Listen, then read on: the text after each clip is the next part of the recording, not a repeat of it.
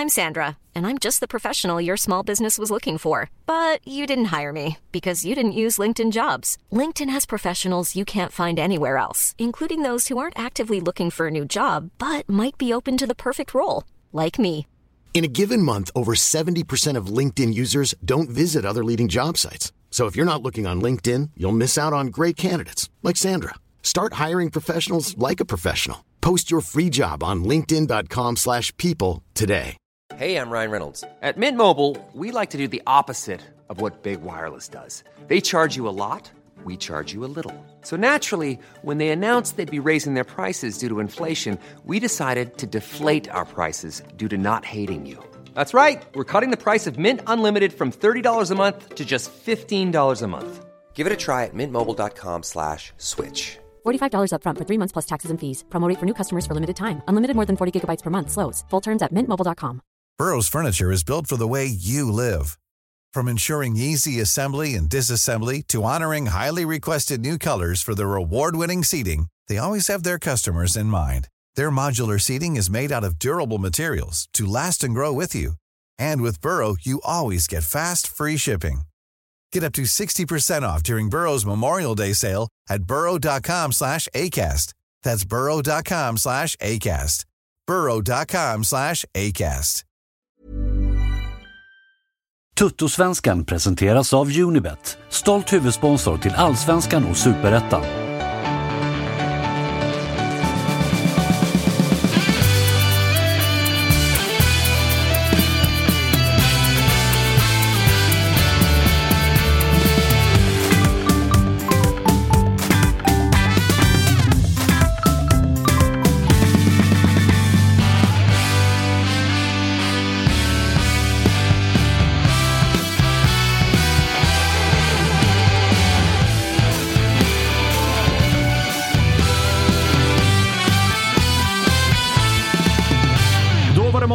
Toto-svenskan är tillbaka. Vi är mitt i en eh, allsvensk omgång som avslutas ikväll då bland annat serieledarna Häcken ska ut eh, i elden. Kalle, hur har helgen varit? Jo, ja, för fan. eh, Den har varit lite, lite regnig, men trevlig. Ja? Trevlig. Lugn och fin, eller? Mm, absolut. Härligt. Min också. Min dotter fyllde tre och grejer, så det, det, var, det var kalas och kalas på Friends och hela den grejen. Låter jättelugnt och skönt. Ja, det var, det var lugnt och skönt faktiskt. Fiskdamm, starköl. Ja, men jag gillar sånt. Foto med gnagis. Ja. Fan vad du älskar att fotas med gnagis. Ja, du har ja. gjort det mer än en gång. varit gnagis. Däremot så har jag absolut varit inblandad. Minns du sista derbyt på Råsunda, Josip? Eh, Då hängde ju Djurgårdens motsvarighet till Gnagis, Järnkaninen, på Norra Stå. Eh, där kan undertecknad absolut ha varit inblandad på ett eller annat. Så att det där med maskotar, det är en specialitet jag har. Så Inte det, helt fel. och det är bara detaljer. Det är bara Det är detaljer man väl, nu har det väl gått eh, tio år, va? Så preskriberat. Mm. Eller? Kan, ja, på gränsen va? Mm. Det kan ha varit så att Djurgården spelade... Ja, Josip, du är, du är ju juristutbildad, så det här, här behöver jag backning i så fall. Jag kollar Men det kan ha varit en Rhapsody in Rock-konsert på Råsunda i samband med att Djurgården spelade kvalspel till Europa. Och jag kan ha varit en del av att hjälpa till att rigga av den där Rhapsody in Rock och kan ha kommit in i ett omklädningsrum där det kan ha funnits saker som då tillhörde matchen som spelades någon dag innan eh, i det kvalet. Eh, vad jag sen gjorde med den informationen och vad som hände därefter, det tar jag absolut inget ansvar för. Men låt oss konstatera att sista derbyt på Råsunda, så ja, det. Resten är historia så att säga. Får man säga var eh, mycket upprörda krönikor efter, det efter den matchen. Ja, alltså, eh, om eh, stämningen och eh, just eh, den grejen. Det var väl lite de krönikorna som var på väg ut då, kan man Mm. konstatera. Mm, exakt. Eh, jag satt på västra den matchen, så jag, vad som hände på norra kan inte ta Jag var på norra. Du var på norra, ja. Åh fan att du Så, var. så eh, jag tar på mig allt. Bra. Eh, lägg allt på, på, på August. Som ni hör då. Vi har, eh, Sanslös start, Ja, alltså. bra start ändå. Från treårskalas till hängd maskot. Ja, Mm, det går fort.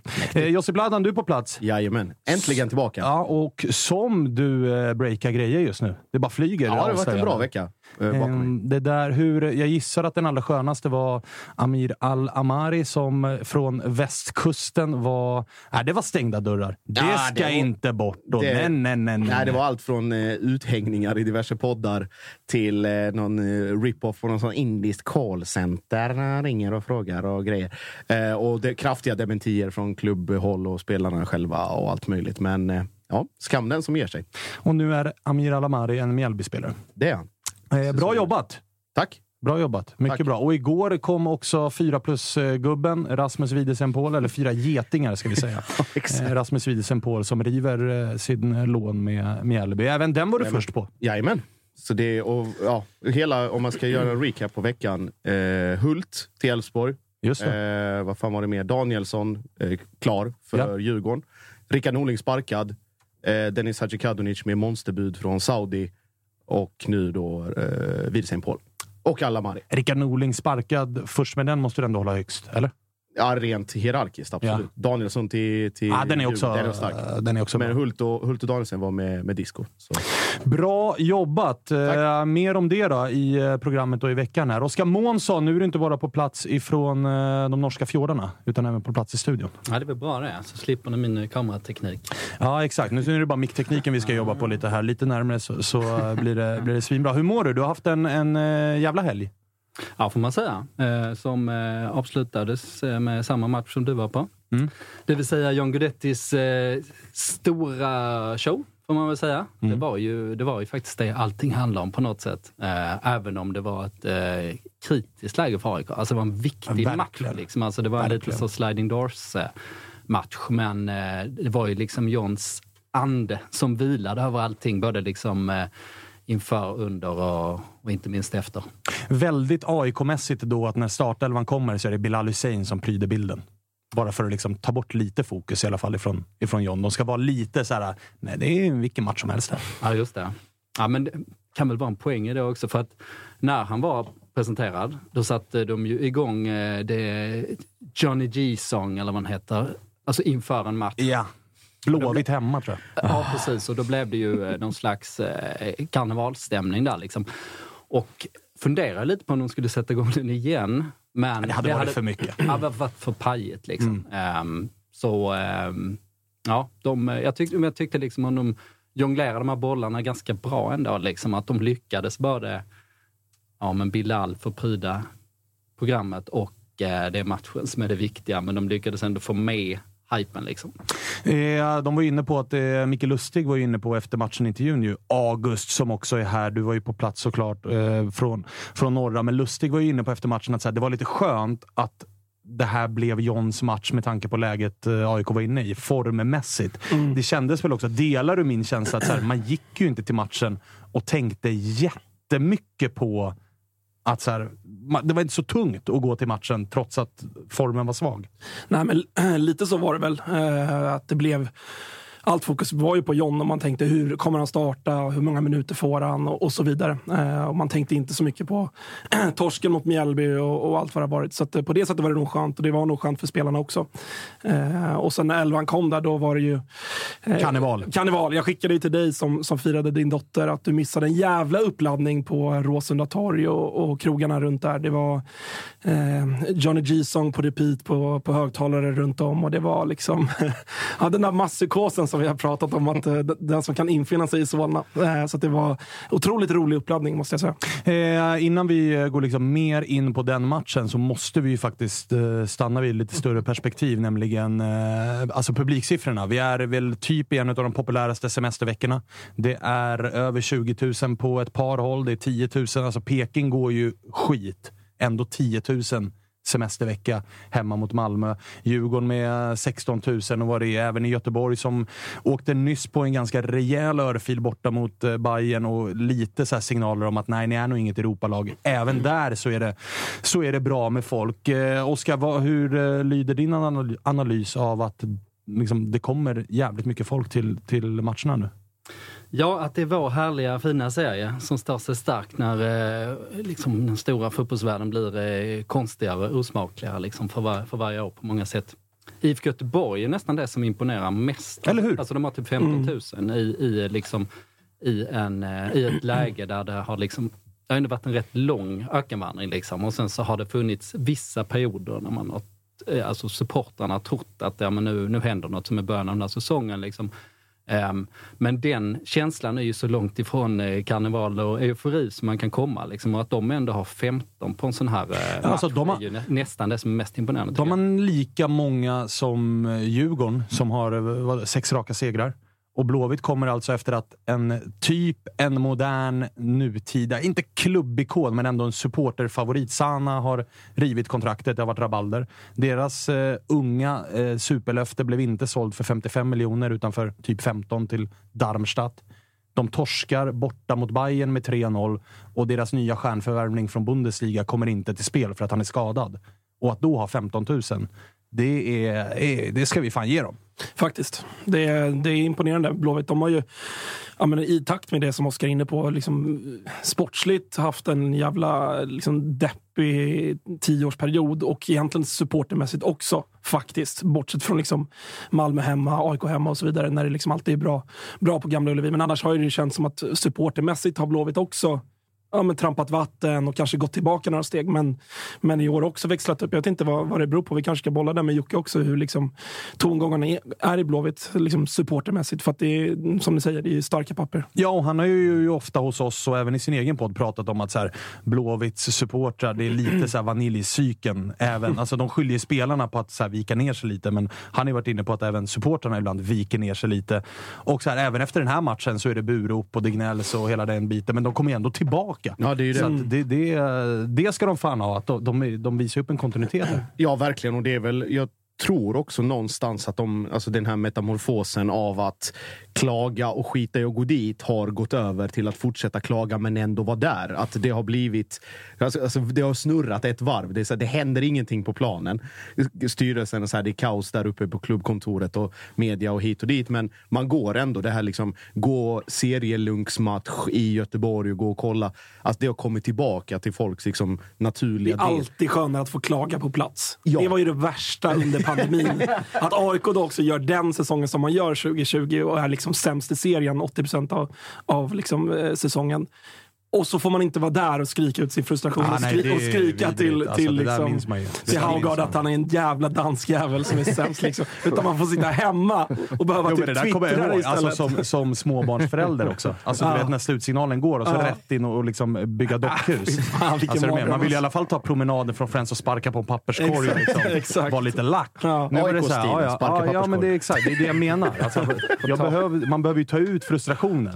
Det var så jävla ambivalent att hålla på och åka ur serien och samtidigt liksom bygga koja. Alltså, det är så, så sjuk Börja lägga sjuk isolering känsla. för att bo eh, Kalle, i kojan. Du, du, Nej, men jag tänker på tal om uh, skrika på plats då, August. De hälsar från chatten att du låter ungefär som högtalarsystemet på Råsunda. Uh, hur, hur mår du egentligen undrar Nej, men jag, mår, jag mår bra. Liksom. det, Gör det? Ja, men det är det som det brukar. Ja, men det var en uppladdning med andra ord, det hörs. Ja, men, och alltså, en nedladdning. en nerjogg som blev lite mer av en, ett maraton helt enkelt.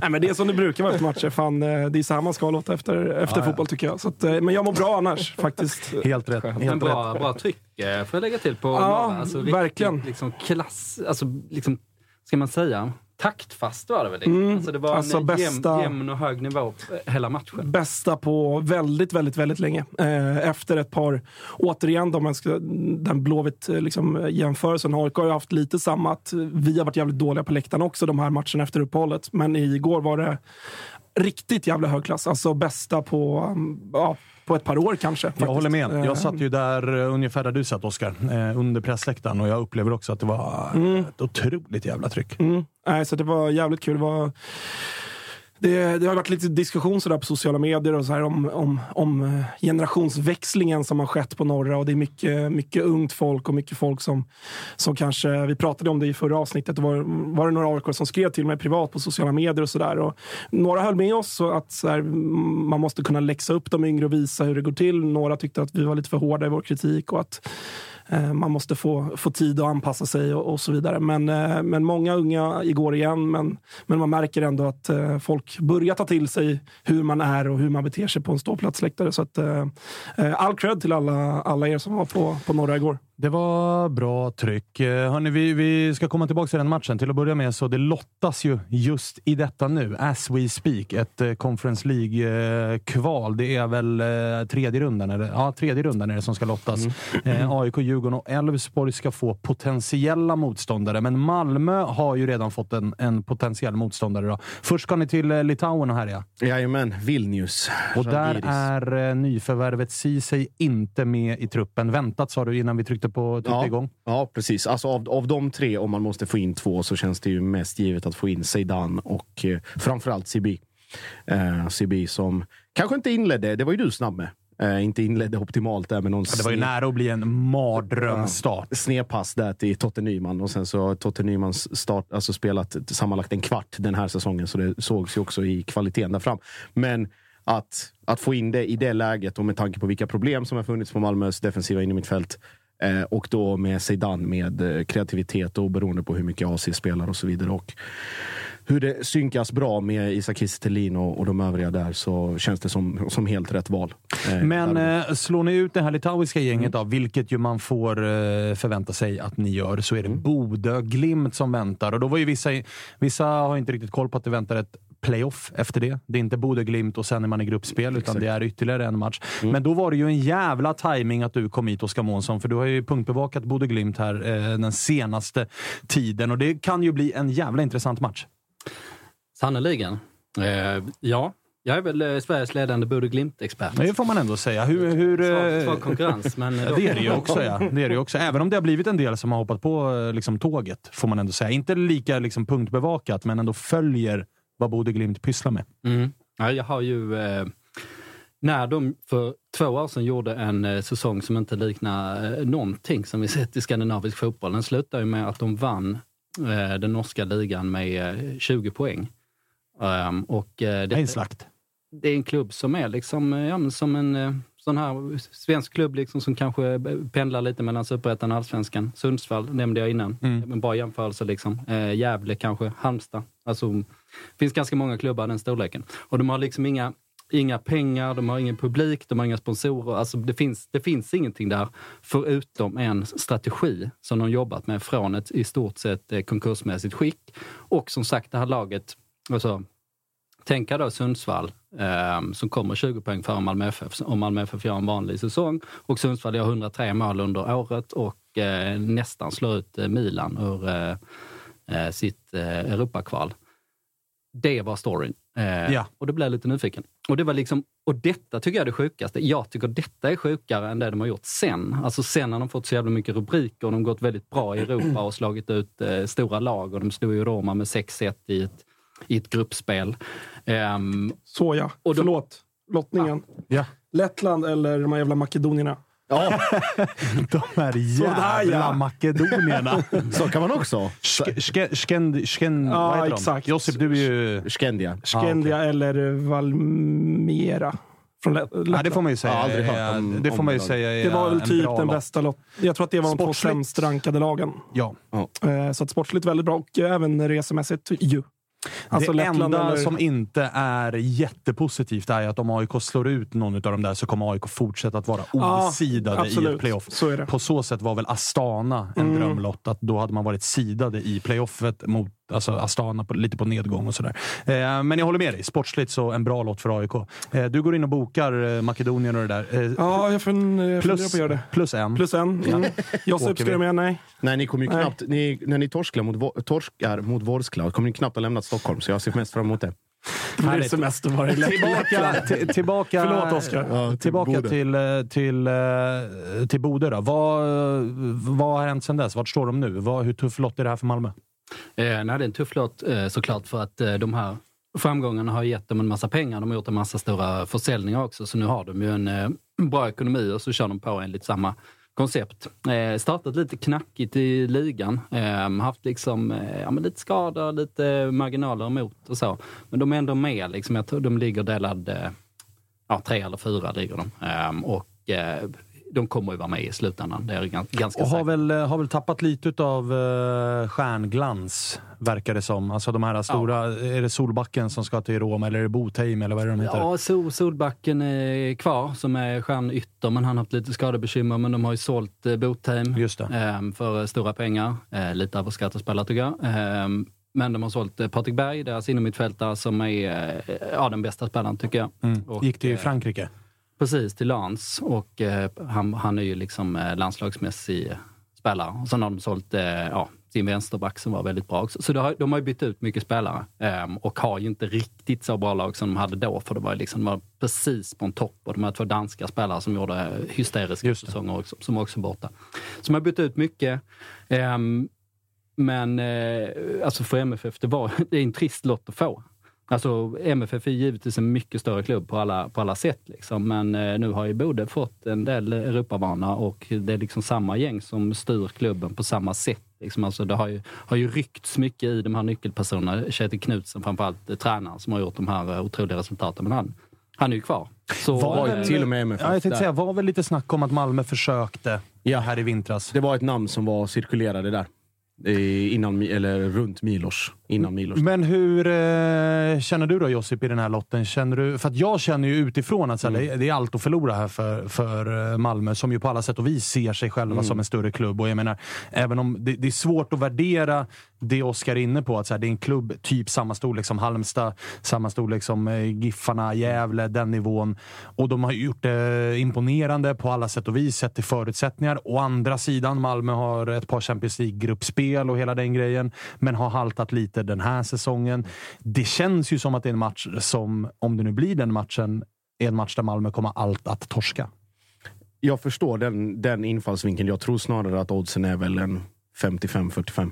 Alltså, oavsett. Ja, jag håller också Ja, att det är så- jämna odds, men, jämna men mentalt så är det så här, ska ni torska mot ett Nej. gäng uppifrån Nordnorge som är lika stora som Halmstad? Jag, hade det, jag, jag fattar den ingångsvinkeln. Samtidigt, det är, liksom, det är inte Hamkam eller IK Start eller någon, utan det är ändå Bode. De Snacka har, inte skit om IK Start. Verkligen inte. De, de ska ta hand om Tom Strannegård. Nu lugnar vi oss ganska rejält där borta. Nej, jag tar som exempel. Alltså det, Jo, det är man inget, får, man får snacka Ja, om IK Start. Nej, det blir eh, alltså, det är inte den här totala överraskningsgrejen om man tror att bara säga, Åh, det här har vi aldrig hört någonting om och vi har ingen aning. Alltså Bode, som du är inne på, de är så pass etablerade nu och har varit med i de här och gjort de här matcherna, Roma, Milan, alla de här stora lagen och allting sånt. Så att jag tror det finns en yttersta liksom, ömsesidig respekt från båda hållen för den grejen man kör på och det, de spåren man väljer att, att ha.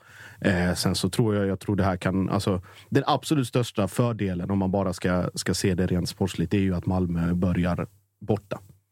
Och får avsluta hemma. Och det är det som Malmö har med sig sedan alla de här erfarenheterna, Salzburg och Celtic och, och allting sånt. att Får man börja borta, det, det går att komma undan med en halv okej insats. Men så länge man avslutar hemma, då vet man att det är liksom... Det är lugnt. Sal Salzburg är en intressant eh, parallell om jag får bryta in. Kör. Ehm, om, man, eh, alltså om, man, om man tänker på den matchen var för MFF. Exakt. Ehm, och hur utspelad man blev på bortaplan och sen så lyckades man ändå vända.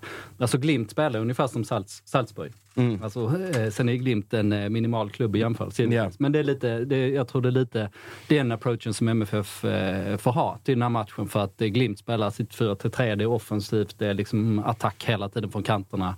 Och eh, för MFF Alltså torskar de med 2-1 borta så är det fine liksom. Och sen så har man ju häxkitteln på hemmaplan liksom, som bru- brukar vara jävligt tung. Häxkitteln. Ah, jag tror måste... M- MFF ska definitivt inte åka dit och försöka spela ut eh, Glimt. Det, liksom, eh, det hade nog varit det sämsta som de hade kunnat göra tror jag. Och det är jätteintressant du nämner för vi har, jag har ju nämnt i tidigare avsnitt alltså att Malmö har börjat ha den approachen, framförallt på Tele2, att man ställer in sig som att det är en bortamatch i Europa. Spela smart, spela cyniskt, ligg lågt, vänta in dina lägen och gör din grej. Bayern, båda, både cupmatchen och allsvenskan. Eh, nu, alltså, Vikingur var ju vad det var, men det såg vi ju var konsekvent. Bodö till exempel, var det 3-1 borta mot KI på Island, Klaxvik. För att man trodde att så här, ja, men vi vann enkelt hemma, det ska gå av sig själv. Man måste tänka på det sättet och ställa in sig på det sättet att i de här tidiga omgångarna, oavsett motstånd, det finns ingenting som heter 90 minuter promenad i parken. Så att det är, Liten eh, nackdel skulle jag vilja säga för... Eh, alltså Bode har ju... eh, Jag följde dem ju också med stora ögon när de var ute i Europa och framförallt då, eh, liksom, lyssna på vad motståndare säger om dem. Och det är, ju, det är ju tacksamt för dem att ha det läget de har. Det är inte så kul att komma dit och heta AS Roma. Liksom, lång jävla resa, långt upp i Norge, plastmatta. Alltså, den chocken kommer ju inte bli lika stor för Malmö. Att så här, plastgräs det är ett underlag de spelar på ofta. Resvägen, ja, men det, det, det är som en svensk bortamatch i, i Ja. typ. Alltså, det är inte, det är inte den här stora... ja. Malmö kommer ju inte komma dit och tänka vad i hela helvete Ja, är det här? exakt. Så som lag runt eh, kanske Medelhavet gör. Eh, lite bättre förberedda kommer ju Malmö vara på det sättet. Den här chocken kommer ju inte Bode kunna spela på lite grann. Ja, MFF borde vara vana vid det för att eh, Aspmyra som Bodø Glimt spelar på påminner väldigt mycket om Vångavallen. Åh, mäktiga. mäktiga. Förutom underlaget. Ja, precis. Men en sliten betongarena liksom med en sån här betongklump på ena Mm. sidan. Blåsigt, lite asfalt och konstiga grejer vid löparbanan. Alltså det är ju... eh, Nu, nu bygger de i och för sig en ny arena, vilket gör vilket jag tror att det kan vara lite slutet för Glimt. För att då, då slutar de med hela det här konceptet att Ja. de sparar, sparar, sparar, Ja. sparar, växer. Nu är det splash the cash. Ja, och kommunen ska in och, och bygga en spektakulär arena. Liksom, och, och Glimt kommer ju inte vara på Champions League-nivå eh, särskilt många gånger. Ehm, det, det måste de ju fortsätta göra något helt sjukt. Men hur som helst, eh, om MFF bara tänker Vångavallen så är det, så är det lugnt. Eller tänker keff bortamatch i allsvenskan generellt. Alltså rent alltså facilitets och, och förberedelse. Ja, de är ju vana. Ja. Alltså, de har ju spelat mot Varberg borta och hela den här grejen. Varberg, Falkenberg, vad är det? Liksom? Ja, ja, det Är finns det Sundsvall. finns ju. Inget är kul. Eh, August, har du några mer uppdateringar om vad det- som väntar för eh, Djurgården och, och Elfsborg? Har de fått sina lotter Ja, ännu? Även har de ifall vi, vi det tror att det blir tufft för Elfsborg kanske att gå vidare mot Molde. De kan ju såklart slå Molde. Det hade inte varit jordens största skräll vi har varit med om. Men eh, jag tror det inte. AIK är lottade att börja hemma, ska vi tillägga också. Mm. Ja, det är inte bra. Nej, det... Ska vi se här. Då har vi... Det är klart ja. Ja, här, Djurgården. Ska du köra? Jag har dem uppe. Kör. Kör. Ja, Du har ju röst också. Det är ju Djurgården får Svanto Georgie från Rumänien eller Slova- slovenska Olympia Ljubljana. Mm, helt okej. Djurgården börjar borta. Mm, helt okej. Ja. Helt okej. Olympia Ljubljana också i, för, em, för referens. Mest känt nu de senaste veckorna för att deras Ultra stormade en presskonferens. Ja, just det. Sparka ut- Sparkade ju ut- tränaren. sparka Den ut nyanställda tränaren. Ja, exakt. För att de var oeniga med ledningen som hade sparkat den tidigare tränaren Som de gillade. Robert Prosinecki. Ah, Legend. Faktiskt. Ja. Eh, Elfsborg då? Elfsborg Kairat från Kazakstan, Kairat Almaty. Eller Kishvarda från Ungern. Elfsborg börjar hemma. Alltså Kazakstan vill man ju aldrig åka till. Ja, Nej, det var, fruktansvärt inte jätte, det var inte jättesexiga lotter. Nej, Elfsborg har fan otur. Alltså Glenn var inne på det i fredags ju. Att de det var de hade förra gången. De hade nordisk liksom Randers och... Ja, de lämnade aldrig Norden. Nej, och nu får de ja, Molde och sen då eventuellt Kazakstan. Det är inte heller skitroliga bortaresor. Alltså. Nej. kan de fan ha. Å andra sidan. Kazakstan är ju, eh, det är ju så långt bort som man eh, liksom, man kan knappt åka längre bort. Och, Nej. och det- Och det sjuka är att det tar typ lika lång tid att åka till Molde. alltså, helt sjukt. Ja. För er ja. Ja, Tänk men och det är Malmö. Vi, vi, vi kunde ju få stan, så jag var inne och kollade lite här eh, för några dagar sedan. Ah, Bara en snabb sökning på alla eventuella resmål. Och flyg till Kazakstan från Stockholm var ju liksom 14 papp tur och retur. Så att, eh, det, blir väl, det blir väl Sissi på plats och, inga fler. Cissi har ju löst något privatplan som tar henne dit hon vill bara. Ja, inga så problem. Enkelt är det med det. Hörrni, vi ska prata lite grann om eh, helgens matcher också, men vi börjar med att ringa Jocke Hanäs och kolla hur läget var på Gamla Ullevi och kanske ge en lite beröm då. Pigga upp han lite med, med eh, klapp på axeln för det där med publiksiffror. Eh, för det, det tycker jag fan att de, ska, att de ska ha. Vi får se vart han befinner sig också. Senast var det ju någon, någon ganska deppig kobbe. August. Eh, Jocke, ja. Ja, var, han skulle visa han- oss något. han var, och- ja, det, är- du ser, ja, det är ju en ny, ny vattenpöl. Han och. Patrik gjorde ju... Nej, nej, han, han visade upp någon vattenpöl och sen var det Han och. Patrik gjorde ju Smögen här, här i dagarna vet jag. Ja. Eh, Fick, ett, eh, fick lite meddelande från Patrik där att det var en jävla körning. Så att, eh, vi får se, om, se hur han mår. Exakt. Vi börjar med att svara i alla fall. Där ja! Eh, eh, eh, Vad är, det för, vad är det för vattenpöl du befinner dig vid nu då? Detta är, detta är Molle utanför Smögen. Smögen har det där borta. Ah, okay. Det blåser lite här, så det var det jag höll på med. skulle gå ja, exakt. och sätta mig och skreva i en skreva, så att säga. Ja, det, det, tycker jag du gör rätt i. Hitta, hitta någonstans där det är lite, lite lugnare så, så är vi glada. Ja. Får gärna vrida på den där kameran också. Jag har sett vatten för. Hur mår du Jocke? Lilla dissen där. Jo, jo, jo, jo. Så. Ja, det, det, är väl, det är inte lika kul som förra gången kanske. Jävlar vad varmt det var. Vet, vet, du vad vi... Eh, vet du, om öronen. Vet du vad vi inledde med att göra det här avsnittet? Skratta åt mig och Patrik. Nej, det, det, var ju, det var ju låga odds. Men här kommer en högoddsare. Vi inledde med att skicka ganska mycket beröm till IFK Göteborg. Oj då. Mm. Det borde man ju lyssnat på. Var det att det var mycket publik eller? Ja, det är faktiskt jävligt imponerande att ni är så pass många med tanke på de grejer som har gått emot er här i närtid. Ja, så, så är det ju. Um, jag hade ju dessutom uh, kvällen innan så har jag och Patrik en årlig sån farlig kväll på Smögen om man säger så. Mm. Och det som kom på, ja, jag erkänner att det var på tv ändå. Det var inte vad min bakfylla behövde. Så, så mycket kan man säga. Ah, Okej, okay. det, det, uh, det, förstår jag. Det förstår jag. Uh, jag gillar att du hoppar direkt ifrån liksom, berömmet till att börja prata om de negativa grejerna. ja, men jag tänker så här, vi måste ändå börja den ändan tror jag. Om, om inte jag ska bli lynchad när jag kommer tillbaka till ah, okay. eh, du, du, ska, vi kanske, ska vi kanske börja... Vi har ju Josip här på plats i studion också. Ska du börja med att, en liten ursäkt kanske för, för eh, Amir Alamari? Eh, caset som, som Jossi presenterade för någon månad sedan och som nu är sanning. Jocke är ganska oskyldig där. Hej Josip! Nej, men vad, vad, jag har väl inte gjort något? Eller? Nej, precis. Jag säger Jocke ah, är ganska okay, okay, okay. Jag har bara tryckt på play och så fick andra... andra ja. ah, okay. Då, då ah, det, missförstod jag det. Ah, det är såklart en direkt lögn. Ah, okay. Nej, men och också då... Det som, det som jag tror att eh, blir det lilla missförståndet här det är ju den här indiska callcenter-grejen. Att, att vi ville låna ut spelare eller, eller så här, så här, göra sig av med spelare. Det, det har väl framgått med all eh, önskvärd tydlighet. Men att liksom, den här bilden som målades upp av att Håkan Mild och, och Micke Stare sitter, sitter och ringer runt till alla klubbar i Norden som någon jävla telefonförsäljare. Det var väl snarare den då. Liksom. Så går det ju såklart inte till. ah, Okej, okay, okay. då, har vi, då har vi rätt ut det. Men du, vad säger du om att eh, Amir Alamari lånas ut? Då? Alltså, det är ändå en, när han kom till Blåvitt, värvades till Blåvitt från, efter en bra säsong i Halmstad, så tänkte ju jag och säkert många med mig att nu gör Blåvitt någonting som är ganska smart här. Och så går det ett halvår och så är han i Mjällby. Ja, Hör ni mig lika dåligt som jag hör dig? Eller? Nej, vi hör dig jättebra. Ah, vad bra, vad bra. Du låter som någon sorts eh, God of War på, på något sorts eh, Playstation. Det är, så det, är, det är lite mäktigt. Fortsätt med det. Ja, eh, eh ja det, är, det är ju såklart, det är ju såklart lite konstigt. Eh, min, min, min, känsla är liksom att nu är vi mitt i en, en total omsvängning av, av truppen från Håkan Mild och Micke Stare.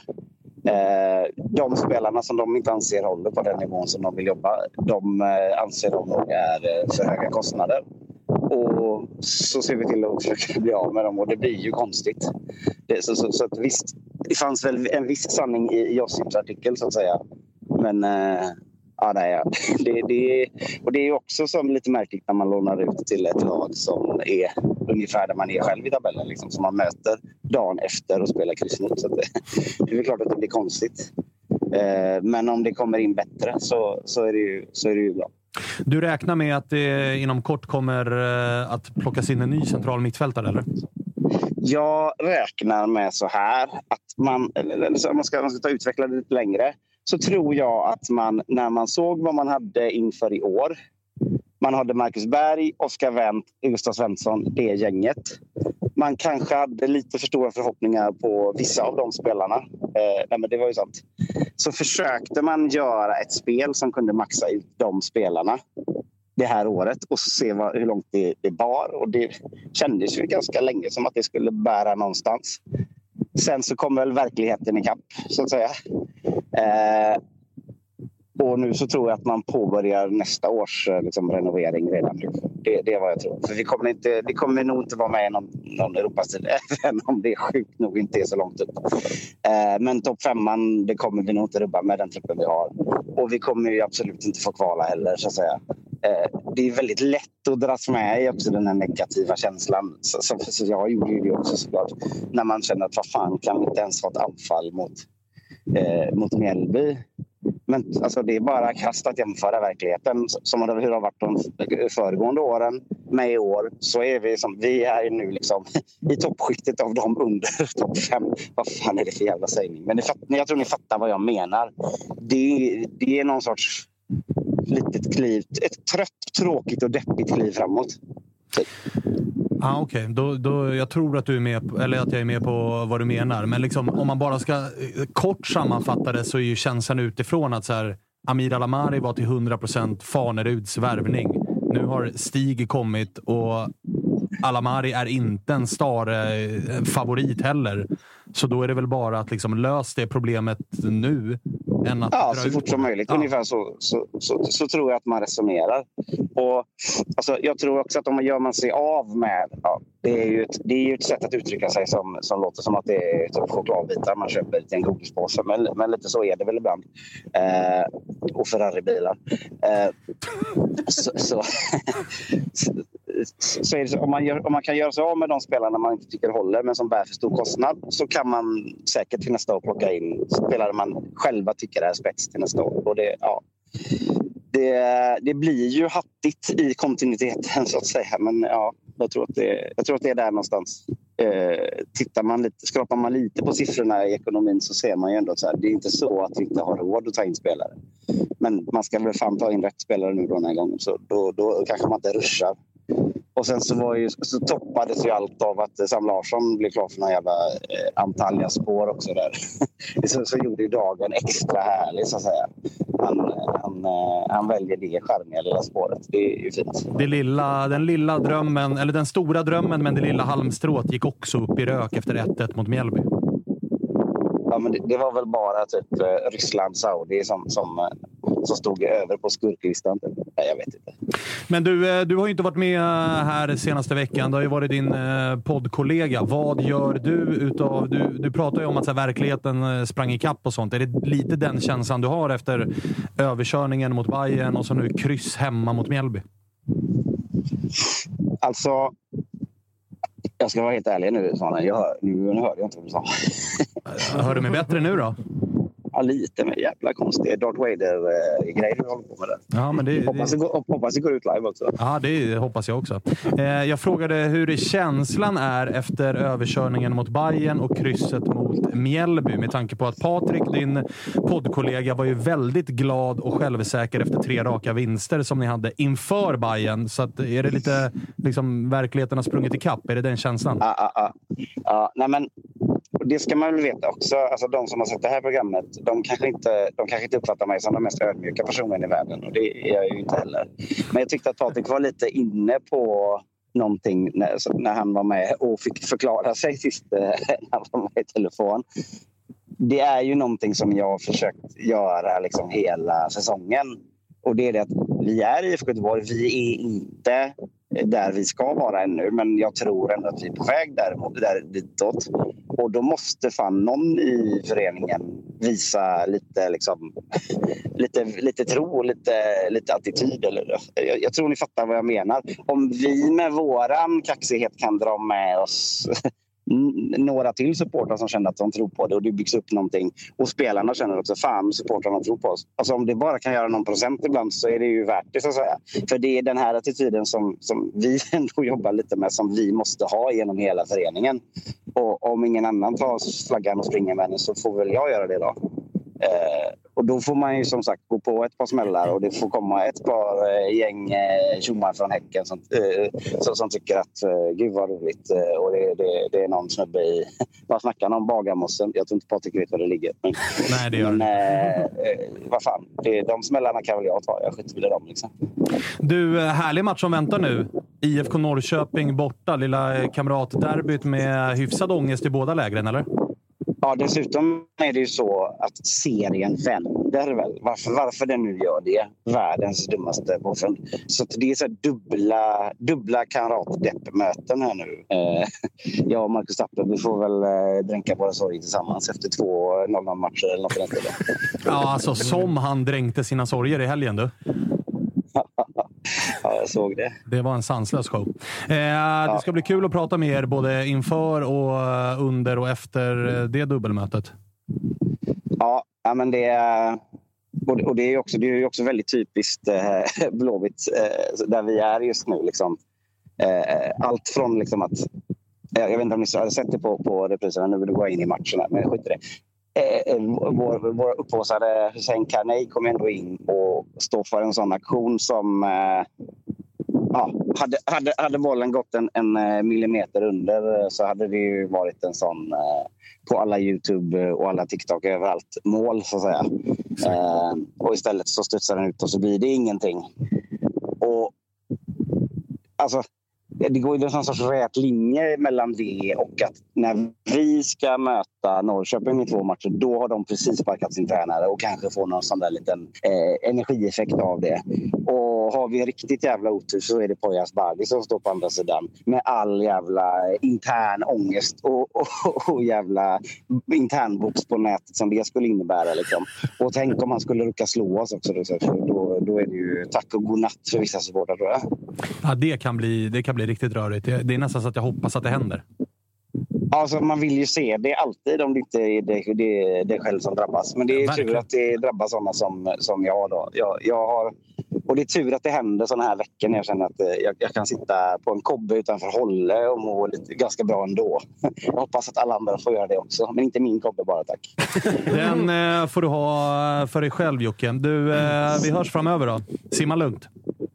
Ja, men ha det bra så ska jag ta och komma upp eh, någon vecka här också. Så, för det här, den här, den här Darth Vader-rösten skrämmer mig lite. Ja, det förstår jag. Eh, När du- ha det bra där uppe. Och hälsa Månsson också att han är en fin gubbe inne i sinne. Framförallt kommer jag ner på fredag, Jocke.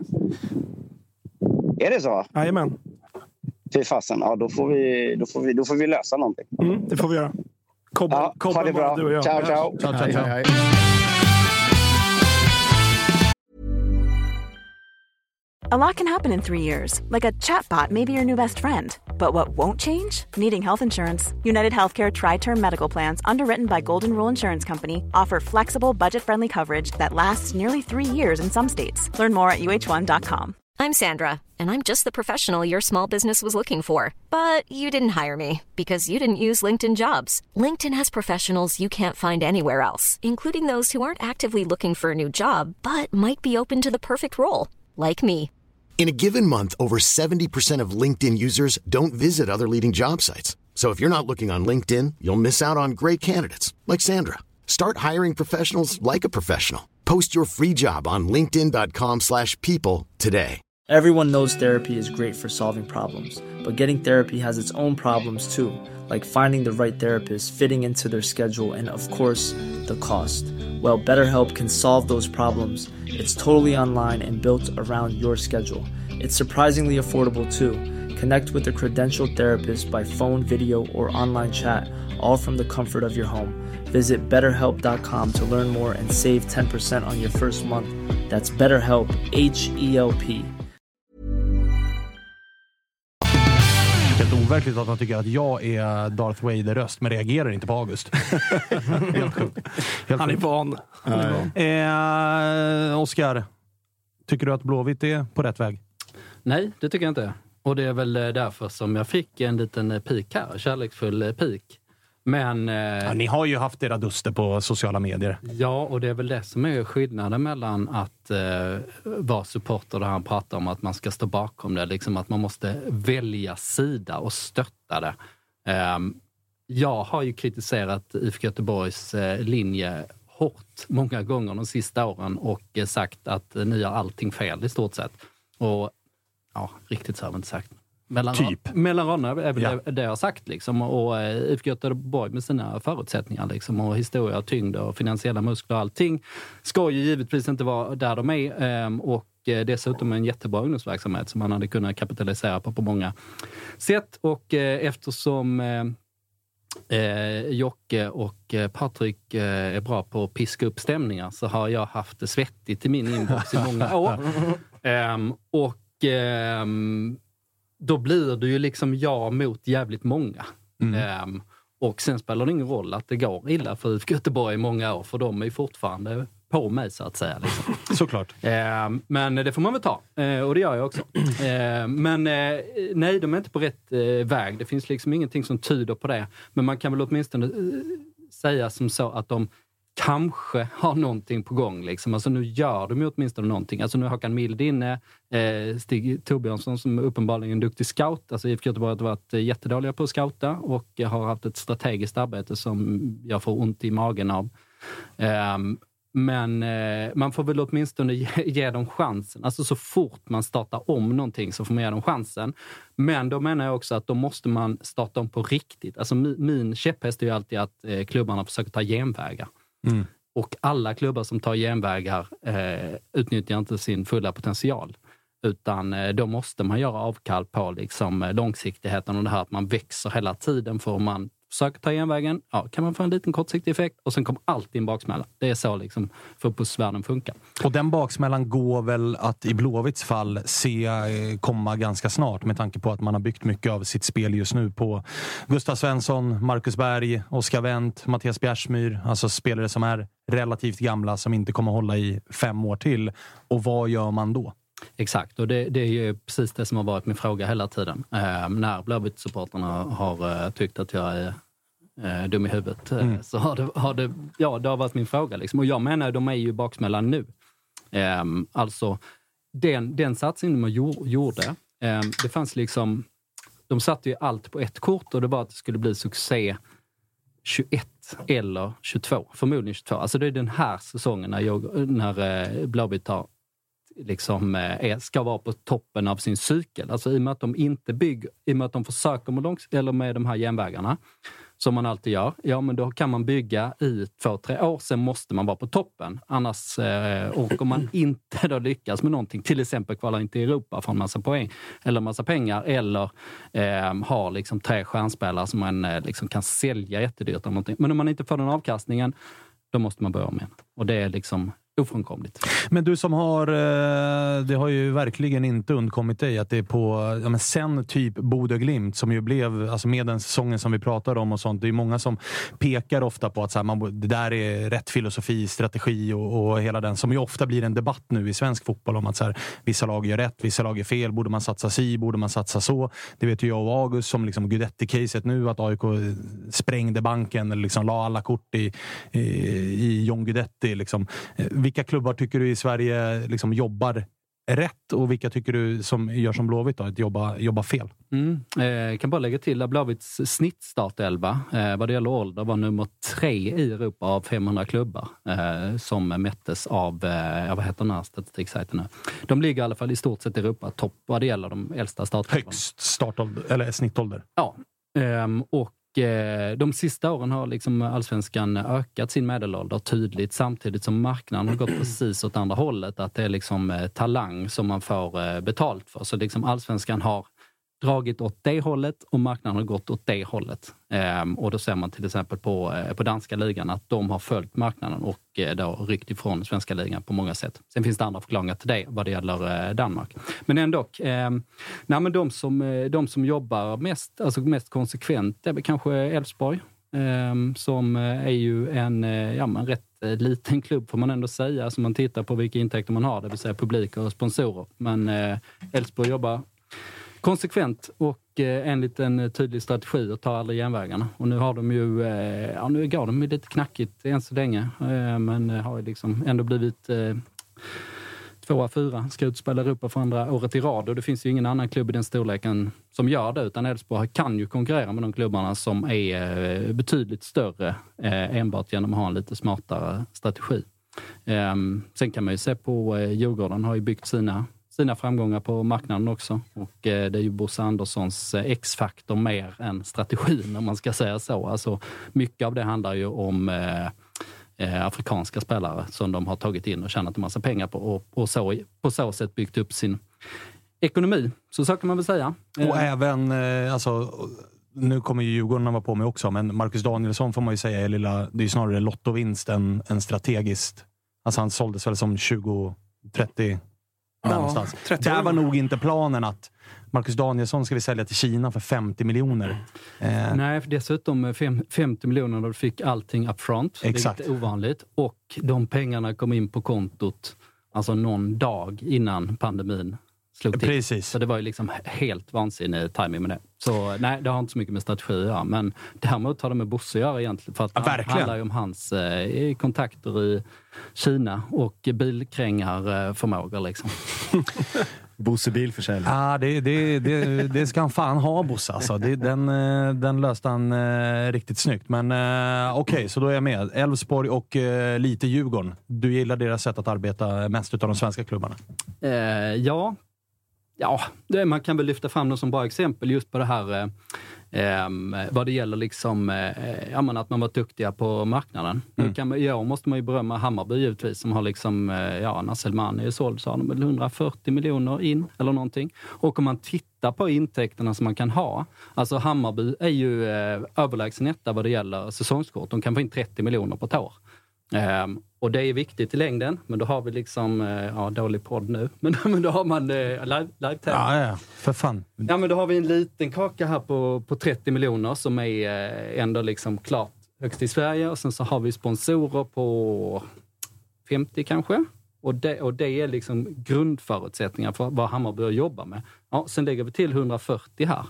Ehm, och om man sätter det i system, alltså över 10 år, att den här kakan här är betydligt större hos någon, så eh, förstår man ganska snabbt hur eh, avgörande den eh, biten är. Men håller du med mig? Vi har varit inne på det i den här podden tidigare. Att, jag tycker också att Bayern har gjort det bra, framförallt med det afrikanska spåret. Men inför den här säsongen så har det skett en liten riktningsförändring i Bayern ju, då man ju har börjat lägga stora pengar på 30-åringar i form av ja, men Sadiko kommer in som kostar väldigt mycket. Travalli är en gammal spelare som också rapporteras kosta väldigt mycket. Selmani får vi ju konstatera är ett väldigt misslyckat. Alltså även om de säljer honom nu för åtta, hur mycket blir det kvar till Bayern utav den kakan? Jag gissar att Varberg ska ha sin del, agenten ska ha sin del, Selmani ska ha sin del.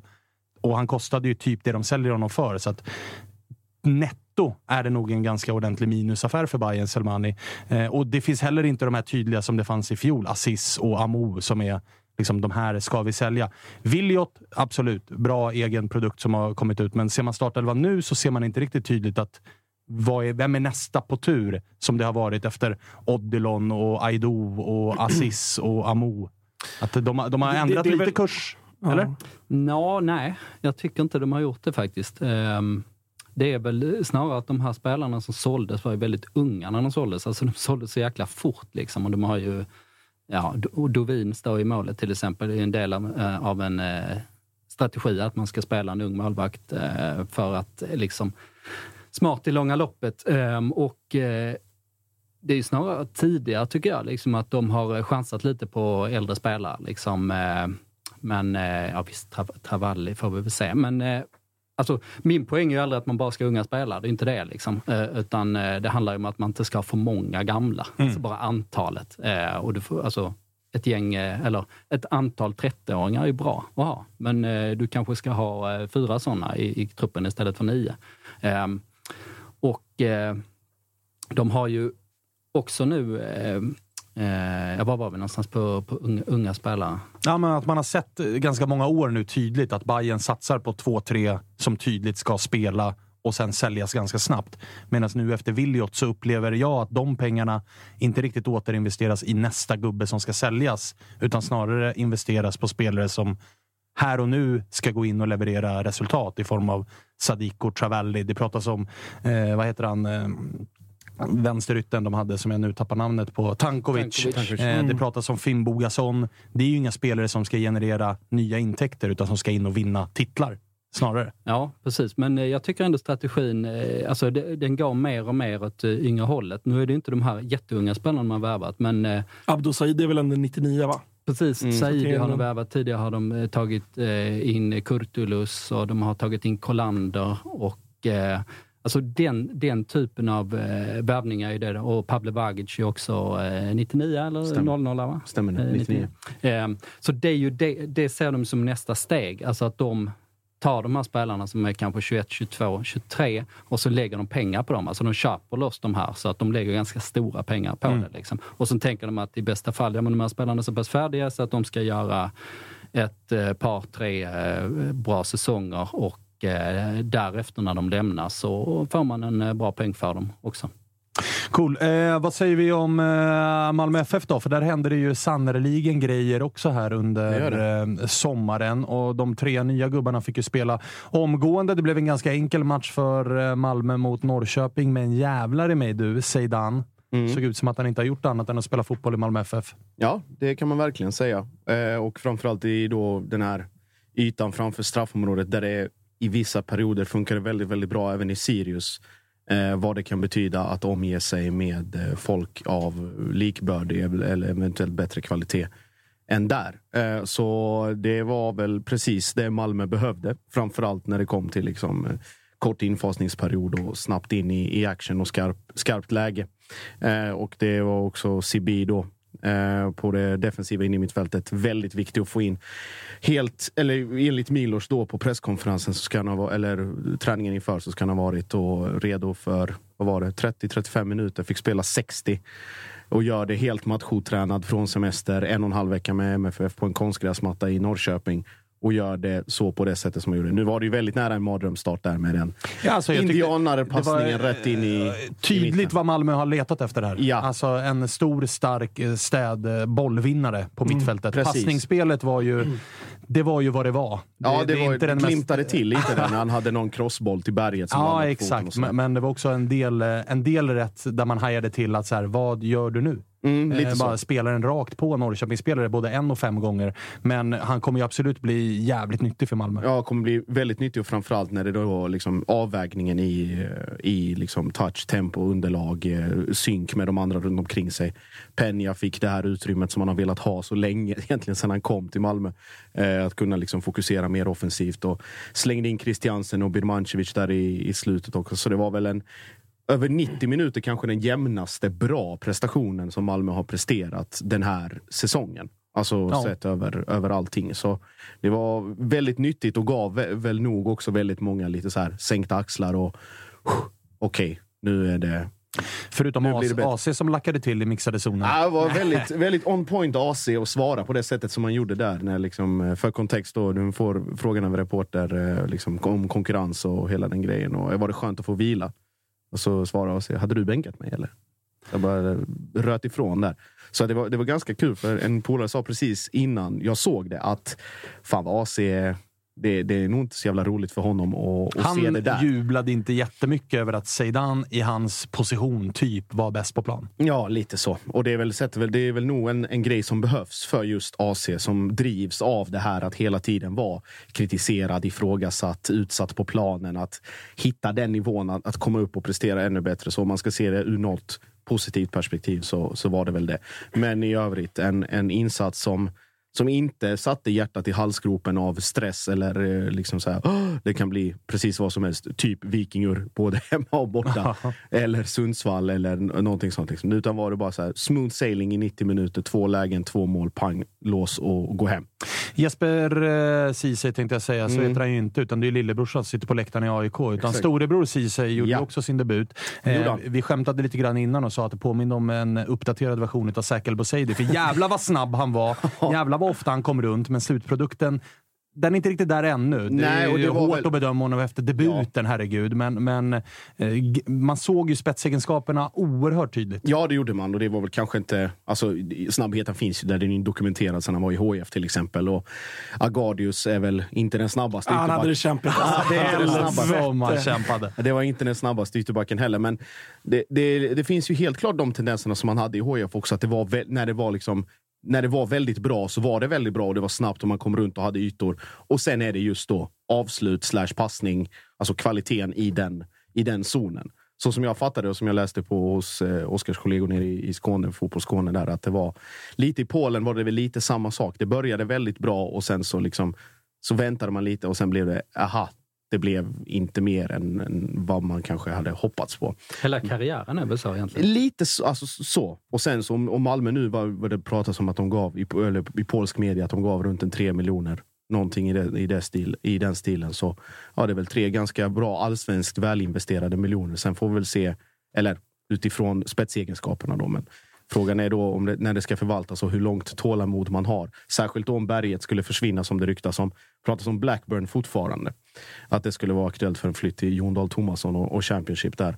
Och om Ceesay ersätter den till, till berget ja, då finns det nog en hel del frågetecken. Det känns ändå som att han, han ger någonting ni inte riktigt har. Alltså jag menar, Eller som Ber- de inte har funnits. Ja, men exakt. Berget har sin ålder. Han, han är ju bra. Jag tycker att han typ borta mot, eller i, i båda CL-mötena var han typ bäst på plan. Men han har ju inte den farten längre. Rex har inte riktigt heller den farten längre. Birman är ju en annan typ av spelare. Så jag, tycker, jag tror ändå att ni kommer ha användning för Ceesay, inte minst kanske i, i de Europamatcherna som vi var inne på, när man vill vara mer cynisk och ligga på rulle och kontra. Mm, absolut. Eh, då, då kommer han vara användbar, Ceesay. Det tycker jag att man såg. Eh, faktiskt. Jag, jag tyckte att han var bra. Ja, och sen kommer ju den synken såklart mer inlöpande i straffområdet bli bättre och bättre. Jag kommer, Oskar minns säkert den här monstersäsongen när Malmö gjorde fler cutback-mål än någonsin annan tid, alltså tidigare när AC och Erdal fyllde på i straffområdet och kom i, i Ja, andra- varje jävla och bara match. dundrade in. Liksom. Så att jag tror att det kommer också bli ett ännu mer användbart vapen nu när man har Zeidan som är precis den, liksom, antingen att han kan gå in själv och skarva och klacka och ha sig, eller ligga på den liksom, mellanytan och, och trycka till. Så ja, det ger väl en, en hel del det tröttaste uttrycket vi använder här. Spetsig bredd, återigen, eh, för, för Ja, men det är ju det man Som har tjatat om saknats. att ni behöver. Att bredden har ju snarare varit suttit i- trött och trubbig än Jag har suttit spetsig. här i 14 omgångar och sågat liksom allt som har någonsin har spelat mer än en kvart. Så ja, uppenbarligen har väl någon lyssnat kan man hoppas. Men det om man ska ha cutbacks, då ska han ju träna på det varje träning. Exakt. Alltså, för det, är det, det är det han inte har. Han har ju allting utom att han träffar rätt eh, gubbe när han kommer fram och tar rätt beslut. Mm. Apropå att det har liksom varit eh, grejen hela karriären. Liksom. Och sådana saker är ju svåra att träna sig till vad det gäller spelförståelsen. Men det är det, om man bara gör det hela tiden och kommer ner till kortlinjen liksom på, på ett så lätt sätt som man gör så då är det ju dun, dunderegenskap givetvis att ha i, ha i ett lag. Om han vill träna det kan han ju komma till Karlberg, för det är fan det enda de tränar på i AIK. Alltså, det är helt sjukt. Ja, ju om, som vi, om vi går på liksom, om vi fortsätter liknelsen att det är en uppdaterad version av Zakel Boseidi så är det skitsamma. För att Zakel Boseidi träffar i panna med varenda jävla inlägg på träning. Men så fort det är match så, så är det liksom, det är nya taktiken som uppenbarligen funkar. Att skicka den till bortre hörnflagga så fått igen och samla upp Ja. den och så tar vi en andra inlägg därifrån. Då är det, komiskt att AIK gjorde mål på det sättet man har garvat åt hela säsongen. Att det är så inläggen ser ut. Men okej, lite lugn och ro i Malmö-led då. För det där var Ja. väl, det är ju som du var inne på, det var typ säsongens bästa insats ju. Mm, det var det. Och då ö, konsekvent över, över längre tid. Eh, sen får vi ju se. Det är ju nian kvar som ska in. Mm. Och det pratas ju allt från nu. Bara jag läste för en liten stund sedan här. Vet om Berisha. Plötsligt jätteaktuell för Hammarby igen. Ja, det Enligt norsk lokalmedia så ska det ha lagts bud som Viking är beredda att lyssna på.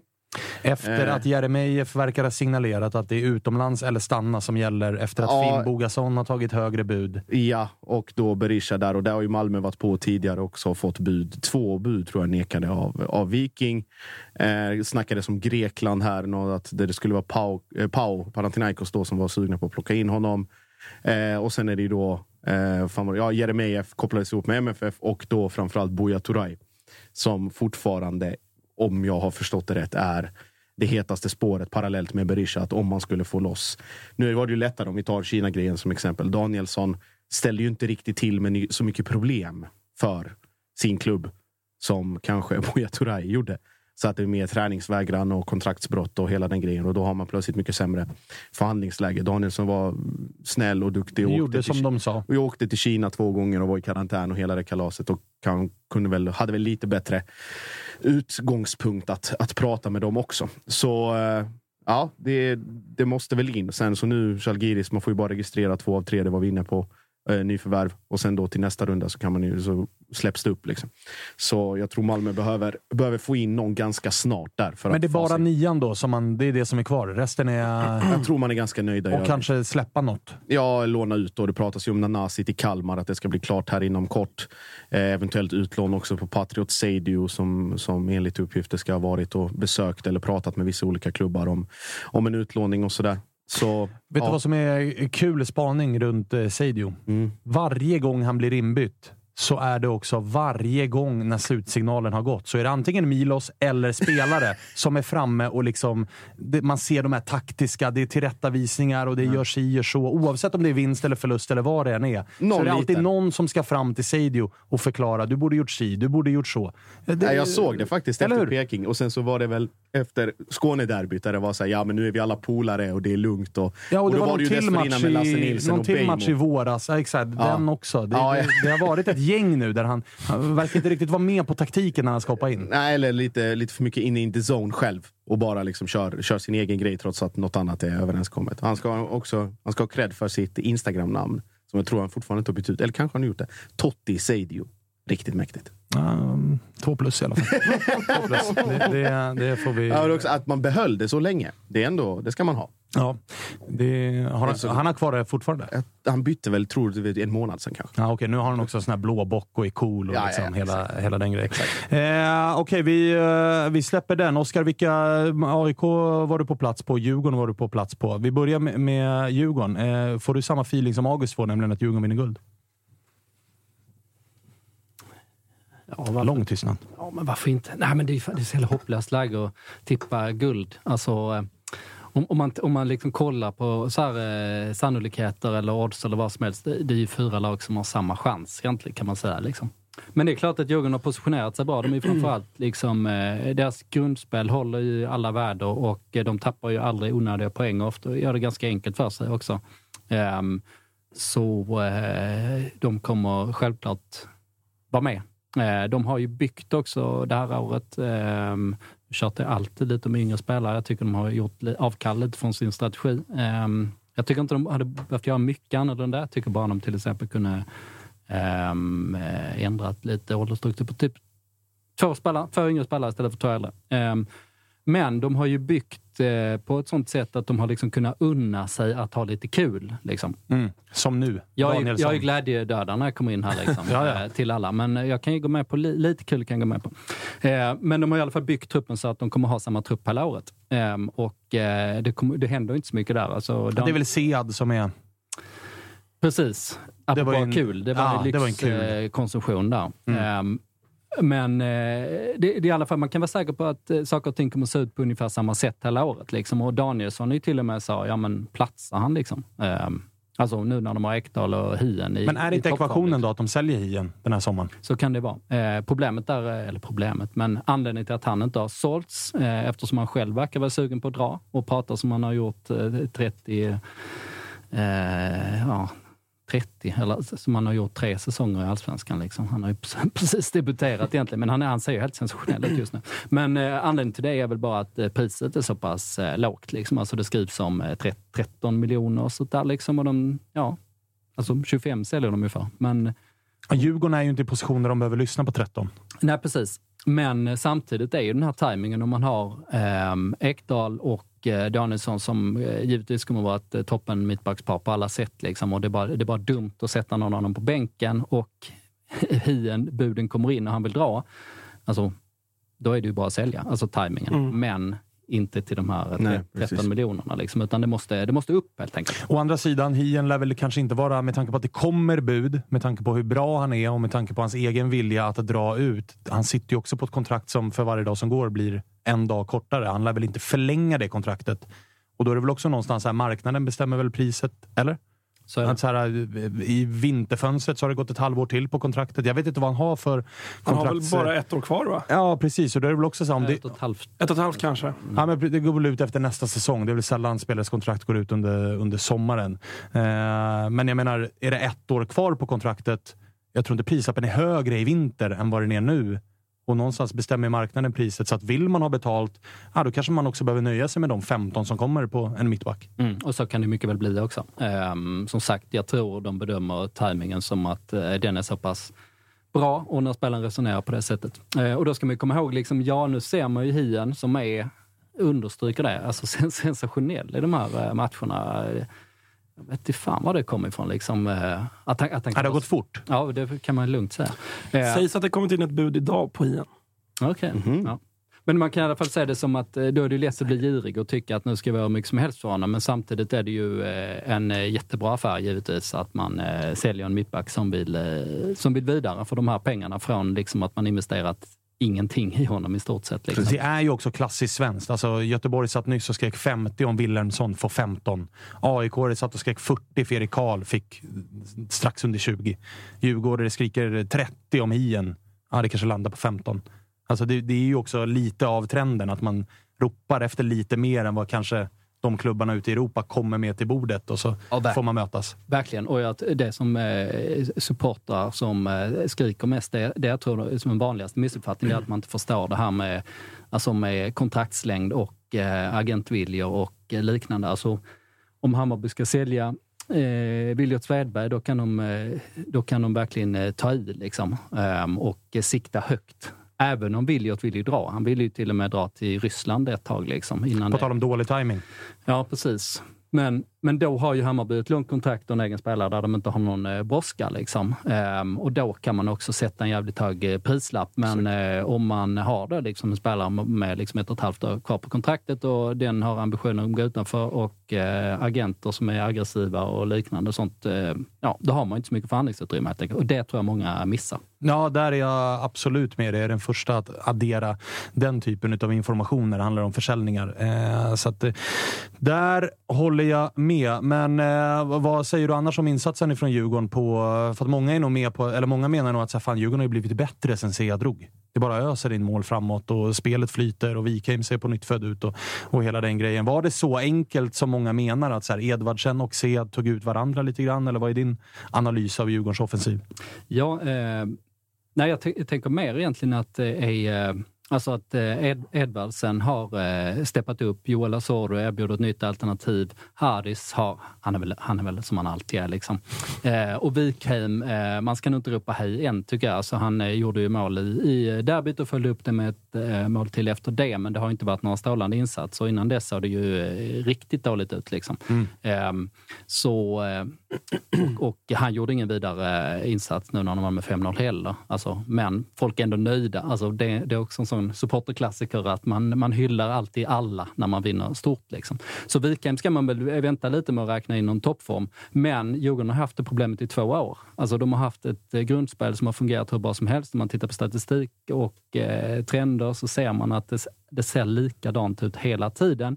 Men Det som skiljer är bara hur mycket producerar de där framme. Djurgården har inte haft någon som producerat sen Buya Turay. Alltså, Chili har i perioder kommit in i, i vissa stim, eh, men de har varit ganska korta. Utöver det har de inte hittat rätt alls. Det var ju Vittry som öste in mål våren där innan Exakt, och då var de ju Sveriges bästa lag fram tills mm. Eh, de plötsligt hade den X-faktorn. Så, så att när, när Djurgården nu har alternativ där framme som eh, heta, då är de helt enkelt jävligt bra. Alltså, för mig är det liksom skillnaden mellan eh, ett Djurgården som lyckas eller inte lyckas. Det är bara hur eh, de offensiva spelarna producerar.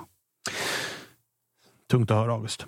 Ja, att de mår bra. inte gå in på det här igen. Men, nej, ja, du, du, fick ju lägga ut texten senast. Ja, nej, men de var ju... Och det, det, var någon som skrev det, om det var Birro eller vem fan det var. Någon annan murvel någonstans, att Djurgården... De var inte egentligen skitbra mot Värnamo. Utan de, var, de ganska bra, men vinner med 5-0. Det säger också någonting. Ja, det gör det. det alltså gör att de spelmässigt var, gjorde en helt okej insats, men vinner så stort. I, allt går in. Mm. Och, och, är det inte liksom ett, ett fint mål så är det någon slip som är ute och viftar. Och sådär, utan de har ett jävla medflyt just nu också, eh, utan att ta någonting ifrån dem.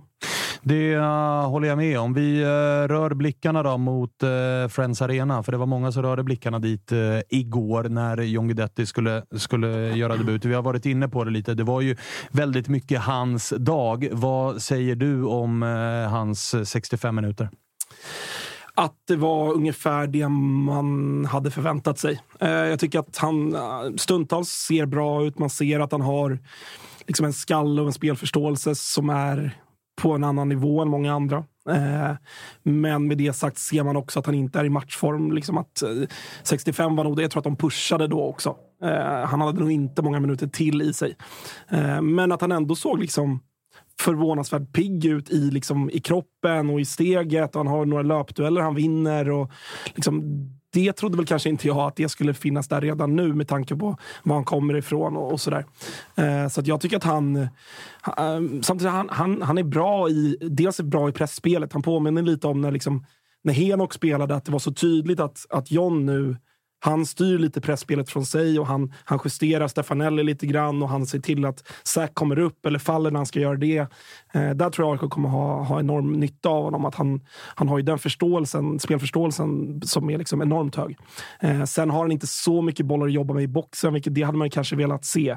Man och det var ju också enligt förväntan. Ja, exakt. Alltså, det har vi ju tjatat om. Exakt. Eh, att AIK framförallt, eh, ja men egentligen den timmen, framförallt första halvlek så har ju AIK ganska lite boll och får mer rikta in sig på ett, på ett kontra. Eh, och det är väl kanske inte det spelet John är som bäst. Eh, så det är egentligen när han går ut som AIK får lite mer possession, eller första 20 av, av, av andra halvlek, då, då är AIK riktigt bra och, och trycker ner Kalmar stundtals tycker jag. Eh, men som man hade velat se eh, någon liksom bra boll på honom i boxen för att få se han, för det är det som ska vara hans spets och är hans spets i ju eh, avslutslägena. Så där finns ju Zack kom ju runt som alltid några gånger och, och det fanns möjligheter att hitta, hitta in, eh, bra inlägg, men då var de överlånga som så många gånger förr. Eh, men som vi var inne på, det blev det mål också. Eh, men, men allt som allt, John, alltså godkänt med liksom med mer smak? Med mer smak. Man känner att, jag känner fortfarande att det här kommer bli jättebra. Ja. Så. Jag tänkte framförallt på en sak. Alltså, det man tar, alltså, vad var det till och med Rydström sa i den här um, synken innan, innan avspark? Att vi, är inte här, vi hoppas att vi inte är här för att vara liksom rekvisita. Mm i Gudettis föreställning. Det var man inte. Jag, alltså, första halvlek väldigt, väldigt bra. Andra troppar av lite, börjar slarva. Det, liksom, det biter inte riktigt det här, eh, det här pressspelet. Men den samlade grejen eller intrycken av allting är ju att fan vad alla bara tyckte att, och med liksom, från svartgult perspektiv, alla bara såhär Skönt, nu är det avklarat. Ja, ja, ja. Nu kan vi börja liksom, Nu är det bara att tänka på de spelmässiga prestationerna. Det var mm. innan, under och du pratade, vi pratade om innan och efter och show och snacka om vad heter det, nära tårar och du vet, intryck och hela den grejen. Nu är det bara så här, ja ja, vi städar av. 0-0 hade ingen svurit över med tanke på ingångsvärdet. Alltså Giges första match. Ja, det hade ju varit ett rejält antiklimax. Det hade det, men det hade inte varit så här... Alltså, den hade inte skrikit på att någon skulle avgå. För att det var inte, det var inte fokus, utan var fokus på hur är John, hur ser han ut, bidrar han, gör han bort sig? Alltså, så, ja. på det sättet. Så nu 1-0, perfekt, lustiga mm. mål. Ingen kan klandra någon. Nu är det så okej, okay, ny vecka. Allt det är borta. Nu, jag tror också för Johns del att så här, man märkte ju på honom att han kanske tog en del löpningar ja, ja, ja. för show. Alltså för, han, han är ju någon han jagar, om det är Sjöstedt eller vem det är, långt ut på sidlinjen. Den löpningen kanske han inte tar om tre omgångar för att han vet att Visst, där fick jag publikens kärlek och han fick göra det framför Östra. Som liksom, alltså så. Det kostar lite också. Ja, men exakt. Det kostar lite. Och de, de typen av liksom, eh, ja, publikfrieri-grejer tror jag att han men, är den, mer bekväm med att skita i var det, liksom, framåt. Och den är ju eh, smart av honom. Han pratade ju om det efter matchen också, John. Att så här, det var viktigt för mig idag att gå all in mm. så länge det bara gick. Snarare än... För det man var rädd för var ju att han skulle vara statisk och bara gå och vänta på att få göra målet. Mm. Så upplevde inte jag honom utan det var snarare jobbet som var det viktiga. Och så får det räcka i 55 eller 60 eller 65 ja. mm. eller vad det än är. Och sen så går han ut och får applåder för att okej, okay, tröjan är svettig, du är slut och har kramp. Det här kommer bli bra. Än att han var ja, men lite så här, jag ska bara göra mål. Att det inte var det stora fokuset. Eh, sen som sagt, jag tyckte det var jävligt intressant att höra Lustigs analys av det. Att så här, fan vad skönt det var för oss att det var Johns föreställning. För att våran form är keff. Vi har mm. sett usla ut. Vi, kunde, vi andra tio kunde fokusera på att spela matchen och liksom inte samma tryck på oss, utan alla blickar på honom. Så att, låt oss eh, vinna. Sådär. Men, men Oskar, delar du eh, Augusts bild av att det här, det här kommer bli bra? Jag tyckte det var en eh, bra analys av eh, matchen. Jag såg eh, samma saker som dig. Från ett stillsamt, stillsamt pressläktaren och en vild... Du är välkommen nästa gång till norra om du vill. Det är ju något intressant där med just AIK och Norra Stå och du vet den där extra löpningen eller Kenny Pavey-tacklingen och den liksom, elektriciteten i luften som uppstår där. Det, alltså, det finns ju en symbios mm. som man hittar precis i de situationerna. Smart smart av John att jaga ner mot hörnflaggan. ja, men eh, på tal om spelförståelse. men eh, nej, jag, jag ser det, knäckfrågan handlar om eh, fysik eh, helt och hållet. Eh, alltså en eh, John som har bra fysik och är en 90 minuters spelare som kan spela på sina förmågor kommer ju vara en toppspelare i Allsvenskan. Eh, en John som inte har den fysiken och, eh, klarar att spela vecka ut och vecka in kommer vara en eh, betydligt sämre spelare. Eh, rätt självklart, men det är ofta det som är knäckfrågan för de äldre spelare. Det ser man ju på hemvändare. Om man tittar på de som eh, lyckas. Sebastian Larsson, som är bakom dig, eh, är ju en sån spelare som eh, klarar 90 minuter alltid och då kan han fortfarande, 37 år gammal, spela på en Mm. hög nivå.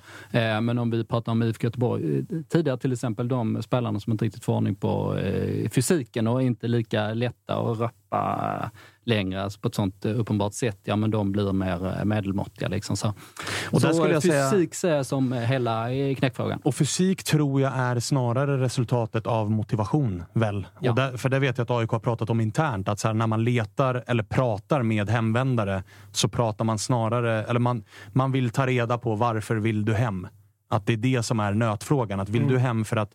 Det har man ju pratat, tjatat om med Sebastian Larsson, att han ville verkligen hem för att dels visa eh, svenska supportrar vad han kan. Han kände själv att säga lite hackkyckling i landslaget. Det är ingen som ser mina matcher för jag spelar i Birmingham och jag har bara spelat i bottenklubbar hela min karriär. Jag vill hem och vinna saker. Okej, bra. Här finns det en motivation. Du kommer vilja uppnå saker. Medan andra spelare som har vänt hem, vi behöver inte nämna några namn, men vi skulle kunna nämna en handfull. Eh, som aik kan man ju ta upp Majstorovic. Att det, är ju liksom, det var nog där man lärde sig läxan. Att det är inte bara att flytta. Där var nog anledningen att "Nej, jag tycker det ska bli nice att bo i Stockholm. Ah, Okej, det här kanske inte kommer bli så jävla bra, för du kommer inte ge 100% för att kroppen ska vara i skick och, Nej. och hela den grejen. Så det är väl det man hoppas på med John, att han kommer hem av verkligen rätt anledning. För då, då delar jag din åsikt August, att det här nog, kom, man såg tillräckligt för att känna att det här kommer bli jävligt bra. Ja, jag tror att man kan väl se den här perioden som kommer nu också på, på lite olika sätt. Ett såklart oron att AIKs trupp är som den är i och med att det kommer mycket matcher nu. Men för Johns del tror jag att det kan vara faktiskt ganska bra att det är mycket matcher. Eh, inte för att man ska förvänta sig att han gör 90 mot Vorskla på torsdag och sen 90 mot Värnamo. Det kommer såklart inte hända. Men att han kan få 60-65 nu då, fem matcher i rad. Då är han ganska fort inne ändå i ett matchtempo, tror jag, när vi är inne i september. Eh, där han kan spela 90 minuter. Så att jag tror på det sättet att det är rätt bra att AIK har mycket matcher. Att han kommer få köra. Liksom. Det kommer krävas av honom. Eh, och då får han se till att vara redo och, och liksom återhämta sig. Och, och, och sådär. Så att det tror jag kan vara bra för, för Johns del.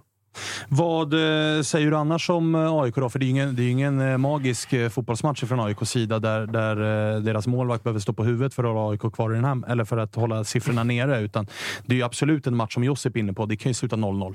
Eh, Ja, det eller kan, 1-1. Eller 1-1. Kribben gör ett par, ett par hyfsade räddningar han också. Och det är ju fortsatt tydligt väl att AIK saknar kreativitet. Nu lånas ju Tom Strannegård ut. Jakob Haugård har lämnat på en mer eller mindre permanent deal. Och Fori har lämnat. Vad, förväntar du dig att det ageras nu eller? Ja, men det gör jag. Alltså, det, det, det måste man väl göra. Alltså, även om Tom Strannegård såklart inte, jag vet inte vad han har gjort, 10 minuter den här säsongen. Så det är ingen spelare som försämrar AIKs kvalitet Det kommer inte in Här några nu- jättepengar heller. Nej, så är det ju. Men, men när truppen ändå är så pass tunn som den är, så varenda spelare man gör sig av med, så läser jag det som att ja, men, vi försöker skapa oss utrymme till att plocka in liksom, spelare här.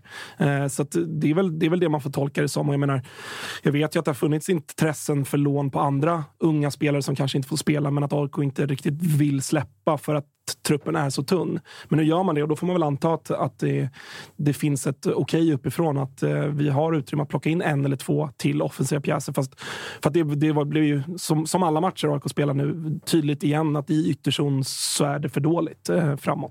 Det var ju där liksom, det, var där det brast igår också. Eh, Zack tycker jag stundtals gör en del bra aktioner faktiskt. Alltså, Framförallt i andra halvlek. Ja, i andra halvlek har han ju någon, eh, någon rush där när han slickar linjen och, och kommer runt jättefint och sådär. Men, men slutprodukten är ju för dålig även igår. Eh, och det är synd för att eh, det är lite som med Ceesay att han har ju sin liksom snabbhet som är enorm. Och man, man hoppas ju någon gång att det ska lossna, men, men det verkar inte riktigt göra det. Han Eh, måste ju springa med bollen hela vägen in i målet. Mm.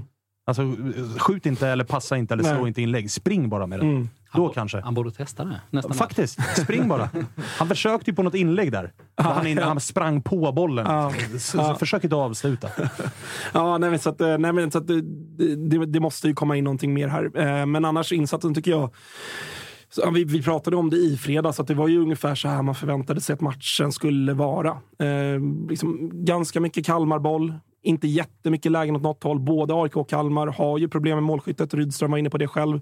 Eh, att, och jag tyckte det var ändå lite annan ton på Rydström efter, efter intervjun. Att, Eh, det gullas ju mycket med Kalmar, med all rätt, att de gör det bra. Men att han var inne på att han är lite trött på att eh, vi, vi kan klappa oss själva på axeln för, att, för en bra insats. Nu måste vi fan bli lite mer grisiga och vinna. Liksom. Att de här hedersamma förlusterna och bra prestationer, är, han är trött på det nu. Liksom. Eh, så att, Kalmar, ja, men som sagt, de var bra. Men, men de är ju Alltså helt ärligt, ganska uddlösa. Kribben gör ju en eller två riktigt bra räddningar, men det är ungefär det de har.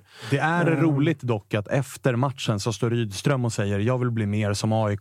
Medan väldigt många på AIK-Twitter är så här, vi borde spela mer som Kalmar. ja, exakt. Man, det, gräset är alltid grönare än någon annanstans. Så är det. Det är så jävla f- kul att det kan vara så. Ja, nej, men eh, annars, så jag tycker ändå det finns saker att ta med sig. Jag tycker Stefanelli är eh, kanske AIKs bästa spelare för andra matchen i rad. Ja. Eh, vilket, eh, ja, vi pratade om det förra veckan, att bra, viktigt, kul eh, utifrån att hans vår inte var särskilt bra. Nu har han fått komma in mer centralt i banan och eh, ja, jag tycker att han är jättebra igår faktiskt. Eh, så det, det blir nog viktigt för AIK här framöver när, när liksom en John och förhoppningsvis även en Nabbe ska spelas in som kanske dubbla nior. Att, att tio-rollen då som, som kommer falla på Stefanelli i, i liksom Jordans frånvaro och tom, tomrum blir nyckeln någonstans. Eh, särskilt med tanke på hur svaga vi är i offensiv ytterzon. Eh, så kommer mycket behöva gå via Stefanelli och då, då bygger det på att han är bra också. Och det var han. Så det var eh, jättebra. Och håller nolla. Herregud, fan, det känns som det var hundra år sedan vi höll nollan. alltså, Ja, så det det var ju också eh, jävligt skönt. Eh, Adam Ladebäck med en vass insats också. Ja, Är det därför du låter- salvor från, eh, från Jag säga det. Är det därför du låter som du gör? Ja, delvis. Kan ha varit någonting om, eh, man om hur jag hoppas det går med Gotlandsfärjan hem och sådär. Som man eh, såg ett 1-1 mål komma efter den avvinkningen. Ja, alltså, alltså- 2-0 där och det är ju tack och godnatt. Alltså, där tyckte jag nästan synd om honom, Ladebäck. För att han, alltså, han visslar ju tidigt och det, det är det som är felet. Men den är ändå, han har ändå otur där att han gör det på något sätt. Alltså, där kände jag nästan Han att... här- ser ju inte att det är Björnström bakom. Han nej. har ingen aning Nej. om att han kommer i full karriär. det kan man ju- Måste han titta? Ja, det kan Alltså, man det argumentera för att han ska måste kolla. Eller att Ja, någon av hans assisterande ska säga det. så här, alltså om man tittar på den situationen en gång till. Han, förseelsen sker, han tittar på den, han väntar för att säga okej, men vad kommer hända nu? Och då tar han, och samma sekund som han har visslat så börjar ju de skri alltså, äh, skrika och då fattar han okej, det är någon bakom. Så att han har ju ändå den lilla, lilla luckan där. Alltså det är precis som du säger. Det är synd om honom där i det läget. För att han gör egentligen allting rätt. Mm. Alltså rent regelmässigt. Han, gör, han väntar, han agerar... Förutom liksom att visa fördelen. för, för, för han, han, ser, han är inte medveten om att någon Nej. springer bakom. Och Assen har ju också fokus liksom rakt fram i, i, i eh, synfältet. Så att han tittar ju på vad som sker där. Mm. Kring Klimpioka och framåt. Precis, och Ladebäck har en bra placering i förhållande till situationen. Men, Men, vet, ja. vet du vad som mig, gjorde mig mest galen? som var nära att göra, göra så att jag låter som August idag. Det är ju att jag tycker att han är, han är ju osmart som inte... När han väl har blåst och ser att okej, nu blåste jag bort ett friläge och eh, ja, men 60-40, ett 2-0 mål här för AIK. Varför gör du inte bara liksom båda händerna upp i luften, visa alla 25 000 att sorry, jag vet, jag gjorde fel, det blev inget bra. Istället de här arroganta stegen mot Seb och liksom lugna ner er. Och tar dessutom liksom halvjoggen ganska långsamt ut till Bartos och kör liksom en liten tillrättavisning, ser ut som där också. Visa att du, du ber om ursäkt. Att så här, jag vet, jag tar på mig den här. Då får han ju inte samma agg emot sig. Nu vart jag ju bara ännu mer arg på att så här, hans kroppsspråk var lite så här, vadå, jag har inte gjort fel. Jag visade ju gult Men kort och liksom, alltid- lugna ner sant. er. Det är alltid Ja, men, sant. Det är alltid vi, sant. vi, visa lite ödmjukhet här. Liksom. Ja, men det blir ju Nej, men- problematiskt när det har varit alltså, så många gånger nu med Ladebäck mot AIK. Ja. Alltså det blir ju liksom... Eh, Vi- Eller AIK inblandade. Alltså han Ja, gav ja, oss en ja. straff mot Varberg. Kolla på det och så Malmö och så nu. Men Alltså, till exempel, om vi tar, Mm. om vi tar det omvända spektrat. Kristoffer Karlsson blev jättehyllad i massa omgångar för att han var sån. Att han gjorde fel. Alltså den, ni kommer ihåg Sugitas drömmål i Mm. krysset. Liksom. Och han hade blåst och han bara Fan, förlåt, det blir fel. Och så gjorde han det någon gång till. Jo, men då tycker jag ju bara att han är dålig. Inte att han är dålig och Ja, oskön. vänta, vänta. vänta. För, och sen så kommer han, och sen så kommer han ut i studion. Han är en av få domare som förklarar sina domslut. Hur resonerar du här? Hur tänkte du så? Ja, det var så och så. Det blev fel där och där. Och då tycker folk fortfarande så här, ja men du kan inte komma undan för att du kommer och ber om ursäkt hela tiden. Liksom, då blir det det omvända istället. Ja, om Och jag- man gör jag det, om man gör det varje gång. Ja. Ja, ja, och jag är den sista som ska säga någonting. För jag, Gud ska veta att man har skrikit på både den ena och den andra och den tredje flöjten i sina dagar. Liksom så. Men det blir ju, alltså hur de än gör, det blir aldrig rätt. Men Nej, jag, fa- det jag fattar precis vad ni Det menar. kanske är så. det är det. Liksom. Det kanske är så. Eh, Oskar, eh, August är inne på att AIK behöver värva eh, kreativitet runt John. Var det din känsla också när du såg? För jag kan ju känna också att AIK kom ofta upp runt Kalmar Mm. straffområde, men sen så händer det ju ingenting. Nej, det har varit min eh, känsla sen eh, inför säsongen. Eh, när jag började analysera truppen så kom jag ju fram till samma slutsats som de flesta hade gjort, tror jag.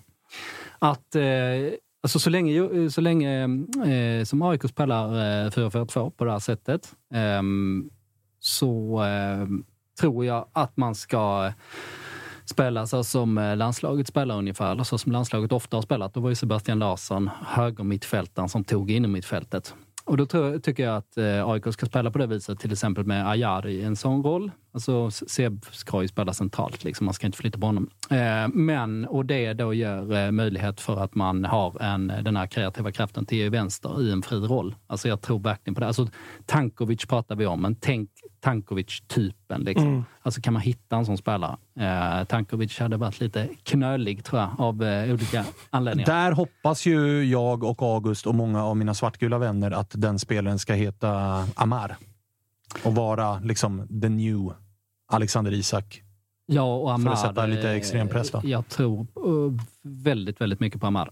Um, alltså, väldigt, väldigt mycket. Jag har eh, pratat med folk inom AIK som berättat om Amar och han har haft en mycket märklig resa. Liksom han hade så här järnbrist som gjorde att han knappt kunde springa under vissa perioder. Och han, eh, jag tror han växer fortfarande. Alltså, han är lång och gänglig. Liksom. Han är stor. Ja, och han eh, drar på sig små, småskador hela tiden, vilket gör att han inte kommer igång. Liksom. Och, och därför tror jag inte så mycket på honom i år. Alltså, Alltså att han ska prestera på, på jämn och hög nivå, liksom, det ser man inte. Men så fort han kommer komma över den eh, gränsen och, och eh, har byggt på fysiken och, och slipper skadorna så, kommer, så tror jag bara det kommer att explodera eh, fullkomligen. Men han är inte riktigt eh, där, Där än. än. Nej, men framförallt Men Ayari, fysiken ju. Ja, men Alltså. eh, för att återgå till Ayari. Han spelade ju väldigt mycket alltså under hela försäsongen och Mm. cupen så spelade ju, då utgick ju Ayari från eh, högerkanten. Mm. Zack testades till vänster, men där skulle man Om man laborerar med en AIK-11 nu och leker med tanken av då det Oskar är inne på, att Ayari på pappret till höger kommer in lite i banan. Då skulle man ju kunna spela Nico till vänster, Nabbe och John på topp. Om man har löst lite grann. Ja, problemet där är väl, är väl, som jag ser det då, är ju att eh, om man vill spela Micke Lustig som högerback, vilket jag tror att Bartos vill, eh, snarare än Joe Mendes, liksom om man, när ska ställa sitt bästa lag på benen, så saknar man ju helt en liksom naturlig Kant, Alltså så. Mikael Lustig är ju inte den spelare som kommer på de löpningarna alls längre egentligen. Och Ayari då, om han ska spela högerytter... och- Nej, gjorde ju fan mål nu, Lustig. Ja, jo, jo, jo alltså. hej. Ja, men det var centralt i banan också. Ja, i. Eh, nej, men Ayari kommer ju söka sig inåt också. Eh, så den risken jag ser då är väl att det blir en, blir en, liksom en, en ganska tom högerkant. Eh, vilket kanske inte måste vara fel heller egentligen. Eh, det är ju säkert bättre än vad, vad det är nu. Nu är Eh, den ju också. Ja, den är, Den är i alla fall resultatlös. Ja, den är inte tom, men den är resultatlös. Eh, nej, men så det är klart, det är väl en idé. Eh, men jag vet inte om jag tror att det tar AIK det där sista snäppet och gör AIK till liksom, eh, en kontinuerlig guldvinnare eller eh, liksom vinna guld i år. Då tror inte jag att Yasin Ayari till höger är lösningen. Eh, Nytt blod, säger du? Ja, absolut. Ja, vi får se. en Josef, snabb, du vill in. eh, Ja, en, bara kring AIKs liksom centrala mittfältssituation. En, en grej som jag... har- Inte Bilal Husseins klausul. Nej, det, vi kom, Det går han aldrig igen. vi, ja. Jag var tvungen. Jag var tvungen. Sorry, sorry. Nej, eh, vad jag tänkte på, rent spelmässigt. Vad AIK, om man liksom så här, det behöver inte vara nu i år, det kan vara nästa år eller nästa år igen. Men den dagen den här konstellationen Hussein Larsson inte längre spelar tillsammans så bör AIKs absoluta prioritet vara att hitta någon av generaliserande CB-karaktär. För att du behöver den ytan framför, så länge Sotte och Milo spelar som de gör, på det sättet med den liksom, vi ska säga, relativa risktagandet emellanåt, framförallt från Sotte, att det blir att den ytan Stängs inte den och någon kastar nyckeln och låser och bommar så blir de två synade. För att de egentligen är, de två är som bäst när de har ytterligare ett litet miniblock framför sig. För det avlastar dem extremt mycket. De behöver inte liksom vara på tårna och, och edgy hela tiden utan Får de den och Bilal gör grovjobbet, eller Seb eller vem det nu än är som spelar där, så kommer de också att spela med lite sänkta axlar. För behöver de ta ansvar för både den lilla mellanytan där, där de står, och bakom sig, ja, då, då blir det knas på riktigt. Och då, den, de lagen som har märkt och som har noterat det, när, alltså när, när den ytan går instick mellan de två eller runt eller hur det blir, då, då är det ett jätteproblem. Yes, precis så säger jag det. På Ja, tal om spelare man tror på. Där, jag tror att han... Eh, liksom, han, I början kände man att han kommer få spela en del. Nu har han inte fått det alls Får egentligen. inte sitta på bänken. Nej, eh, och det, det, det tycker jag är lite märkligt för jag tycker att han är bra i träning också. Eh, och jag, där tror jag att AIK har en, en klass sexa. Liksom. Eh, alltså just den städ, städspelaren som dessutom är absolut tillräckligt bra med boll och fötter. Eh, jag tror att han, han är den spelaren framöver. Och det jag Frågan tror, är när bara. Ja, och det jag tror att AIK är, det jag tror att Bartos brottas med är att AIK, han vill få AIK mer framåtlutade. Mm. Ska vi in med en sexa, men fortsätta ha kvar Sebastian Larsson och Bilal Hussein, ja, då återstår bara tre spelare som är offensiva. Mm. Och då är vi tillbaka med problemet att det är fy, en fyrbackslinje som alla tre, det är ju fyra backar. Mm. Och sen har vi tre centrala mittfältare som alla är defensiva Ja. mittfältare. Ja. Då kommer det bli ett baktungt det- lag. Du behöver Ja, fler då- då offens- framförallt att- Och dessutom blir man för beroende av att yttrarna är sylvassa. Och Ja, AIK har inte det sylvassa krävs, yttrar. precis, Då krävs det att den fronttrion, då har man John Ja. såklart, men det krävs att båda de, båda de yttrarna är av alltså, absolut högsta snitt Exakt. individuellt. Och då om man kommer ska vi, spela så. Och då kommer vi tillbaka till, för hade de haft en, i alla fall en spelande mittback med en fot som kan skära igenom lagdelar. Milo lyckas kanske en gång på fem, sex. Men det räcker inte heller, utan du måste ha någon som går tre, fyra, fem gånger. Och då blir det ju baktung automatiskt för att de två är stolpiga fyrtorn som ska Ja, slåss i- Bilal måste komma ner hela i vägen och och då måste Bilal ner och hämta och sen måste han upp igen. Och Seb blir inte yngre. Och så, så här. Ni fattar vad jag menar? För Mm. att det blir, då måste du hellre, så antingen, om du ska spela så, ha en städande sexa och lägg pengarna där, bli baktung. Eller köp en mittback med en bra fot. Och då är också så här, det kostar. Ja, eller så eh, investera på ytterposition. Eh, För Det är många problem. Och, det, och så, så har man samtidigt 22 man i truppen nu, eller vad fan man har. Nej, 21. Nu Ja. drog ju en till Ja, start här. exakt. Månssons gäng. Vad, vad, vad kommer Tom Strannegård göra i start? kommer jag kaos. Tror du det? Eh, Är det där eh, gamla BP... Eh, Magni? Magni, ja. ja. men, eh, jag tänker på spelaren också. Är inte Falenius Jo, stämmer. där? Och Falenius. gör, han gör ju kaos där. Ja, men han skadade sig nu. Ah, Så- okej. och, ja, men så halv allvarlig skada, så han är väl tillbaks i Bröndby nu. Så det, Men det är väl IK Start. Om eh, det är liksom eh, stormigt ja, men i AIK ibland kanske. IFK Göteborg har vi pratat om, så Helsingborg kan man ju alltid ta upp om man bara tar kaosgrupp. Men det finns ju ingen som är i närheten av IK Start. Ah, Okej, det är så illa. Ja, ja. Alltså IK Start eh, liknar eh, ingenting. Det är ändå klubben som eh, eh, bränner 120 miljoner på, eller går minus 120 miljoner på tre år. Investerar det med externa pengar och blir sämre efter de eh, 120 miljonerna. Och Men då, är det ändå, då gillar jag ju att Tom drar dit så att han liksom lär sig. Alltså för att han, han ska ju tillbaka till AIK. Det är bra att gå till en annan kaosklubb. Och liksom, Nej, men jag tror Start köper loss honom. Alltså om det går bra för honom eh, så köper ju Start honom efter eh, säsongen. Och Start är också, de har ju Magni Fannberg nu som du nämnde, alltså, eh, som har jobbat på ungdomssidan i AIK, uppskattad där. Ehm, och han vill göra precis tvärtom. Alltså han vill ju bygga klubb långsiktigt.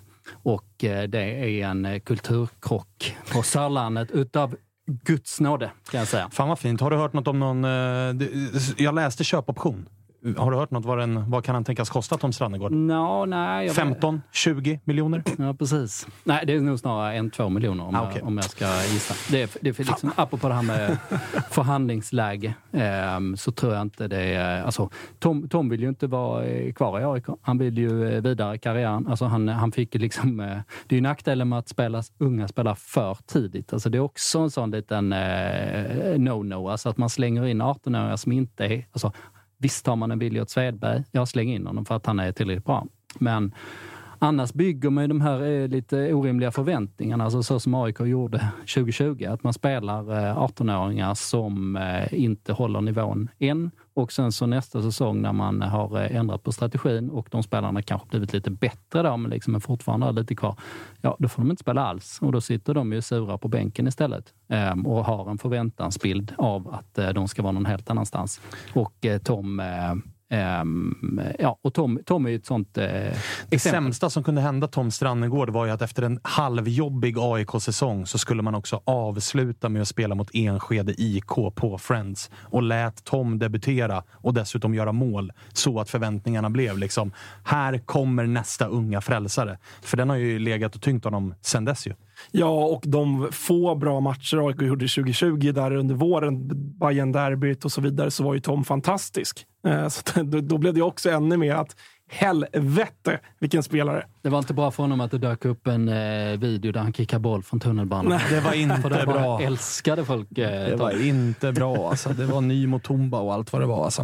Eh, men vi önskar honom lycka till i start i alla fall. Eller? Det gör vi. Tar du en, två millar eller? Varför gör det? Det är så deppigt. Men eh, ja, det gör jag väl.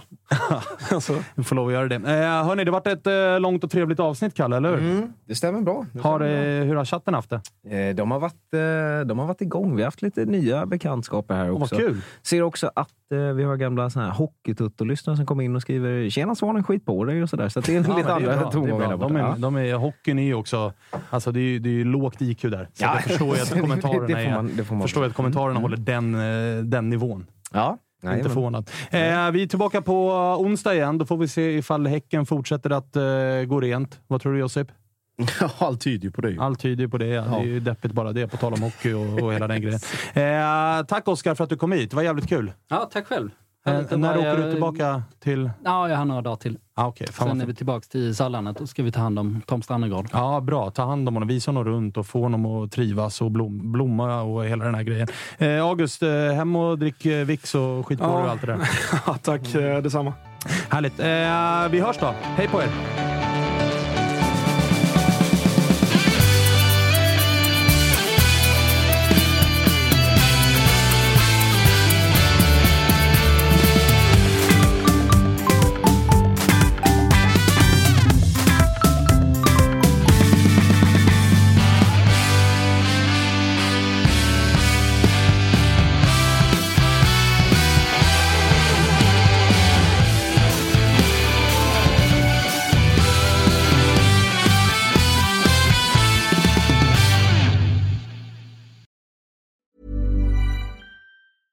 Mom deserves the best, and there's no better place to shop for Mother's Day than Whole Foods Market. They're your destination for unbeatable savings, from premium gifts to show-stopping flowers and irresistible desserts. Start by saving 33% with Prime on all body care and candles. Then get a 15-stem bunch of tulips for just $9.99 each with Prime. Round out Mom's menu with festive rosé, irresistible berry chantilly cake, and more special treats. Come celebrate Mother's Day at Whole Foods Market. Planning for your next trip? Elevate your travel style with Quince. Quince has all the jet setting essentials you'll want for your next getaway, like European linen, premium luggage options, buttery soft Italian leather bags, and so much more. And it's all priced at 50 to 80% less than similar brands. Plus, Quince only works with factories that use safe and ethical manufacturing practices. Pack your bags with high-quality essentials you'll be wearing for vacations to come with Quince. Go to quince.com slash trip for free shipping and 365-day returns. Mom deserves the best, and there's no better place to shop for Mother's Day than Whole Foods Market. They're your destination for unbeatable savings, from premium gifts to show-stopping flowers and irresistible desserts. Start by saving 33% with Prime on all body care and candles. Then get a 15-stem bunch of tulips for just $9.99 each with Prime. Round out Mom's menu with festive rosé, irresistible berry chantilly cake, and more special treats. Come celebrate Mother's Day at Whole Foods Market.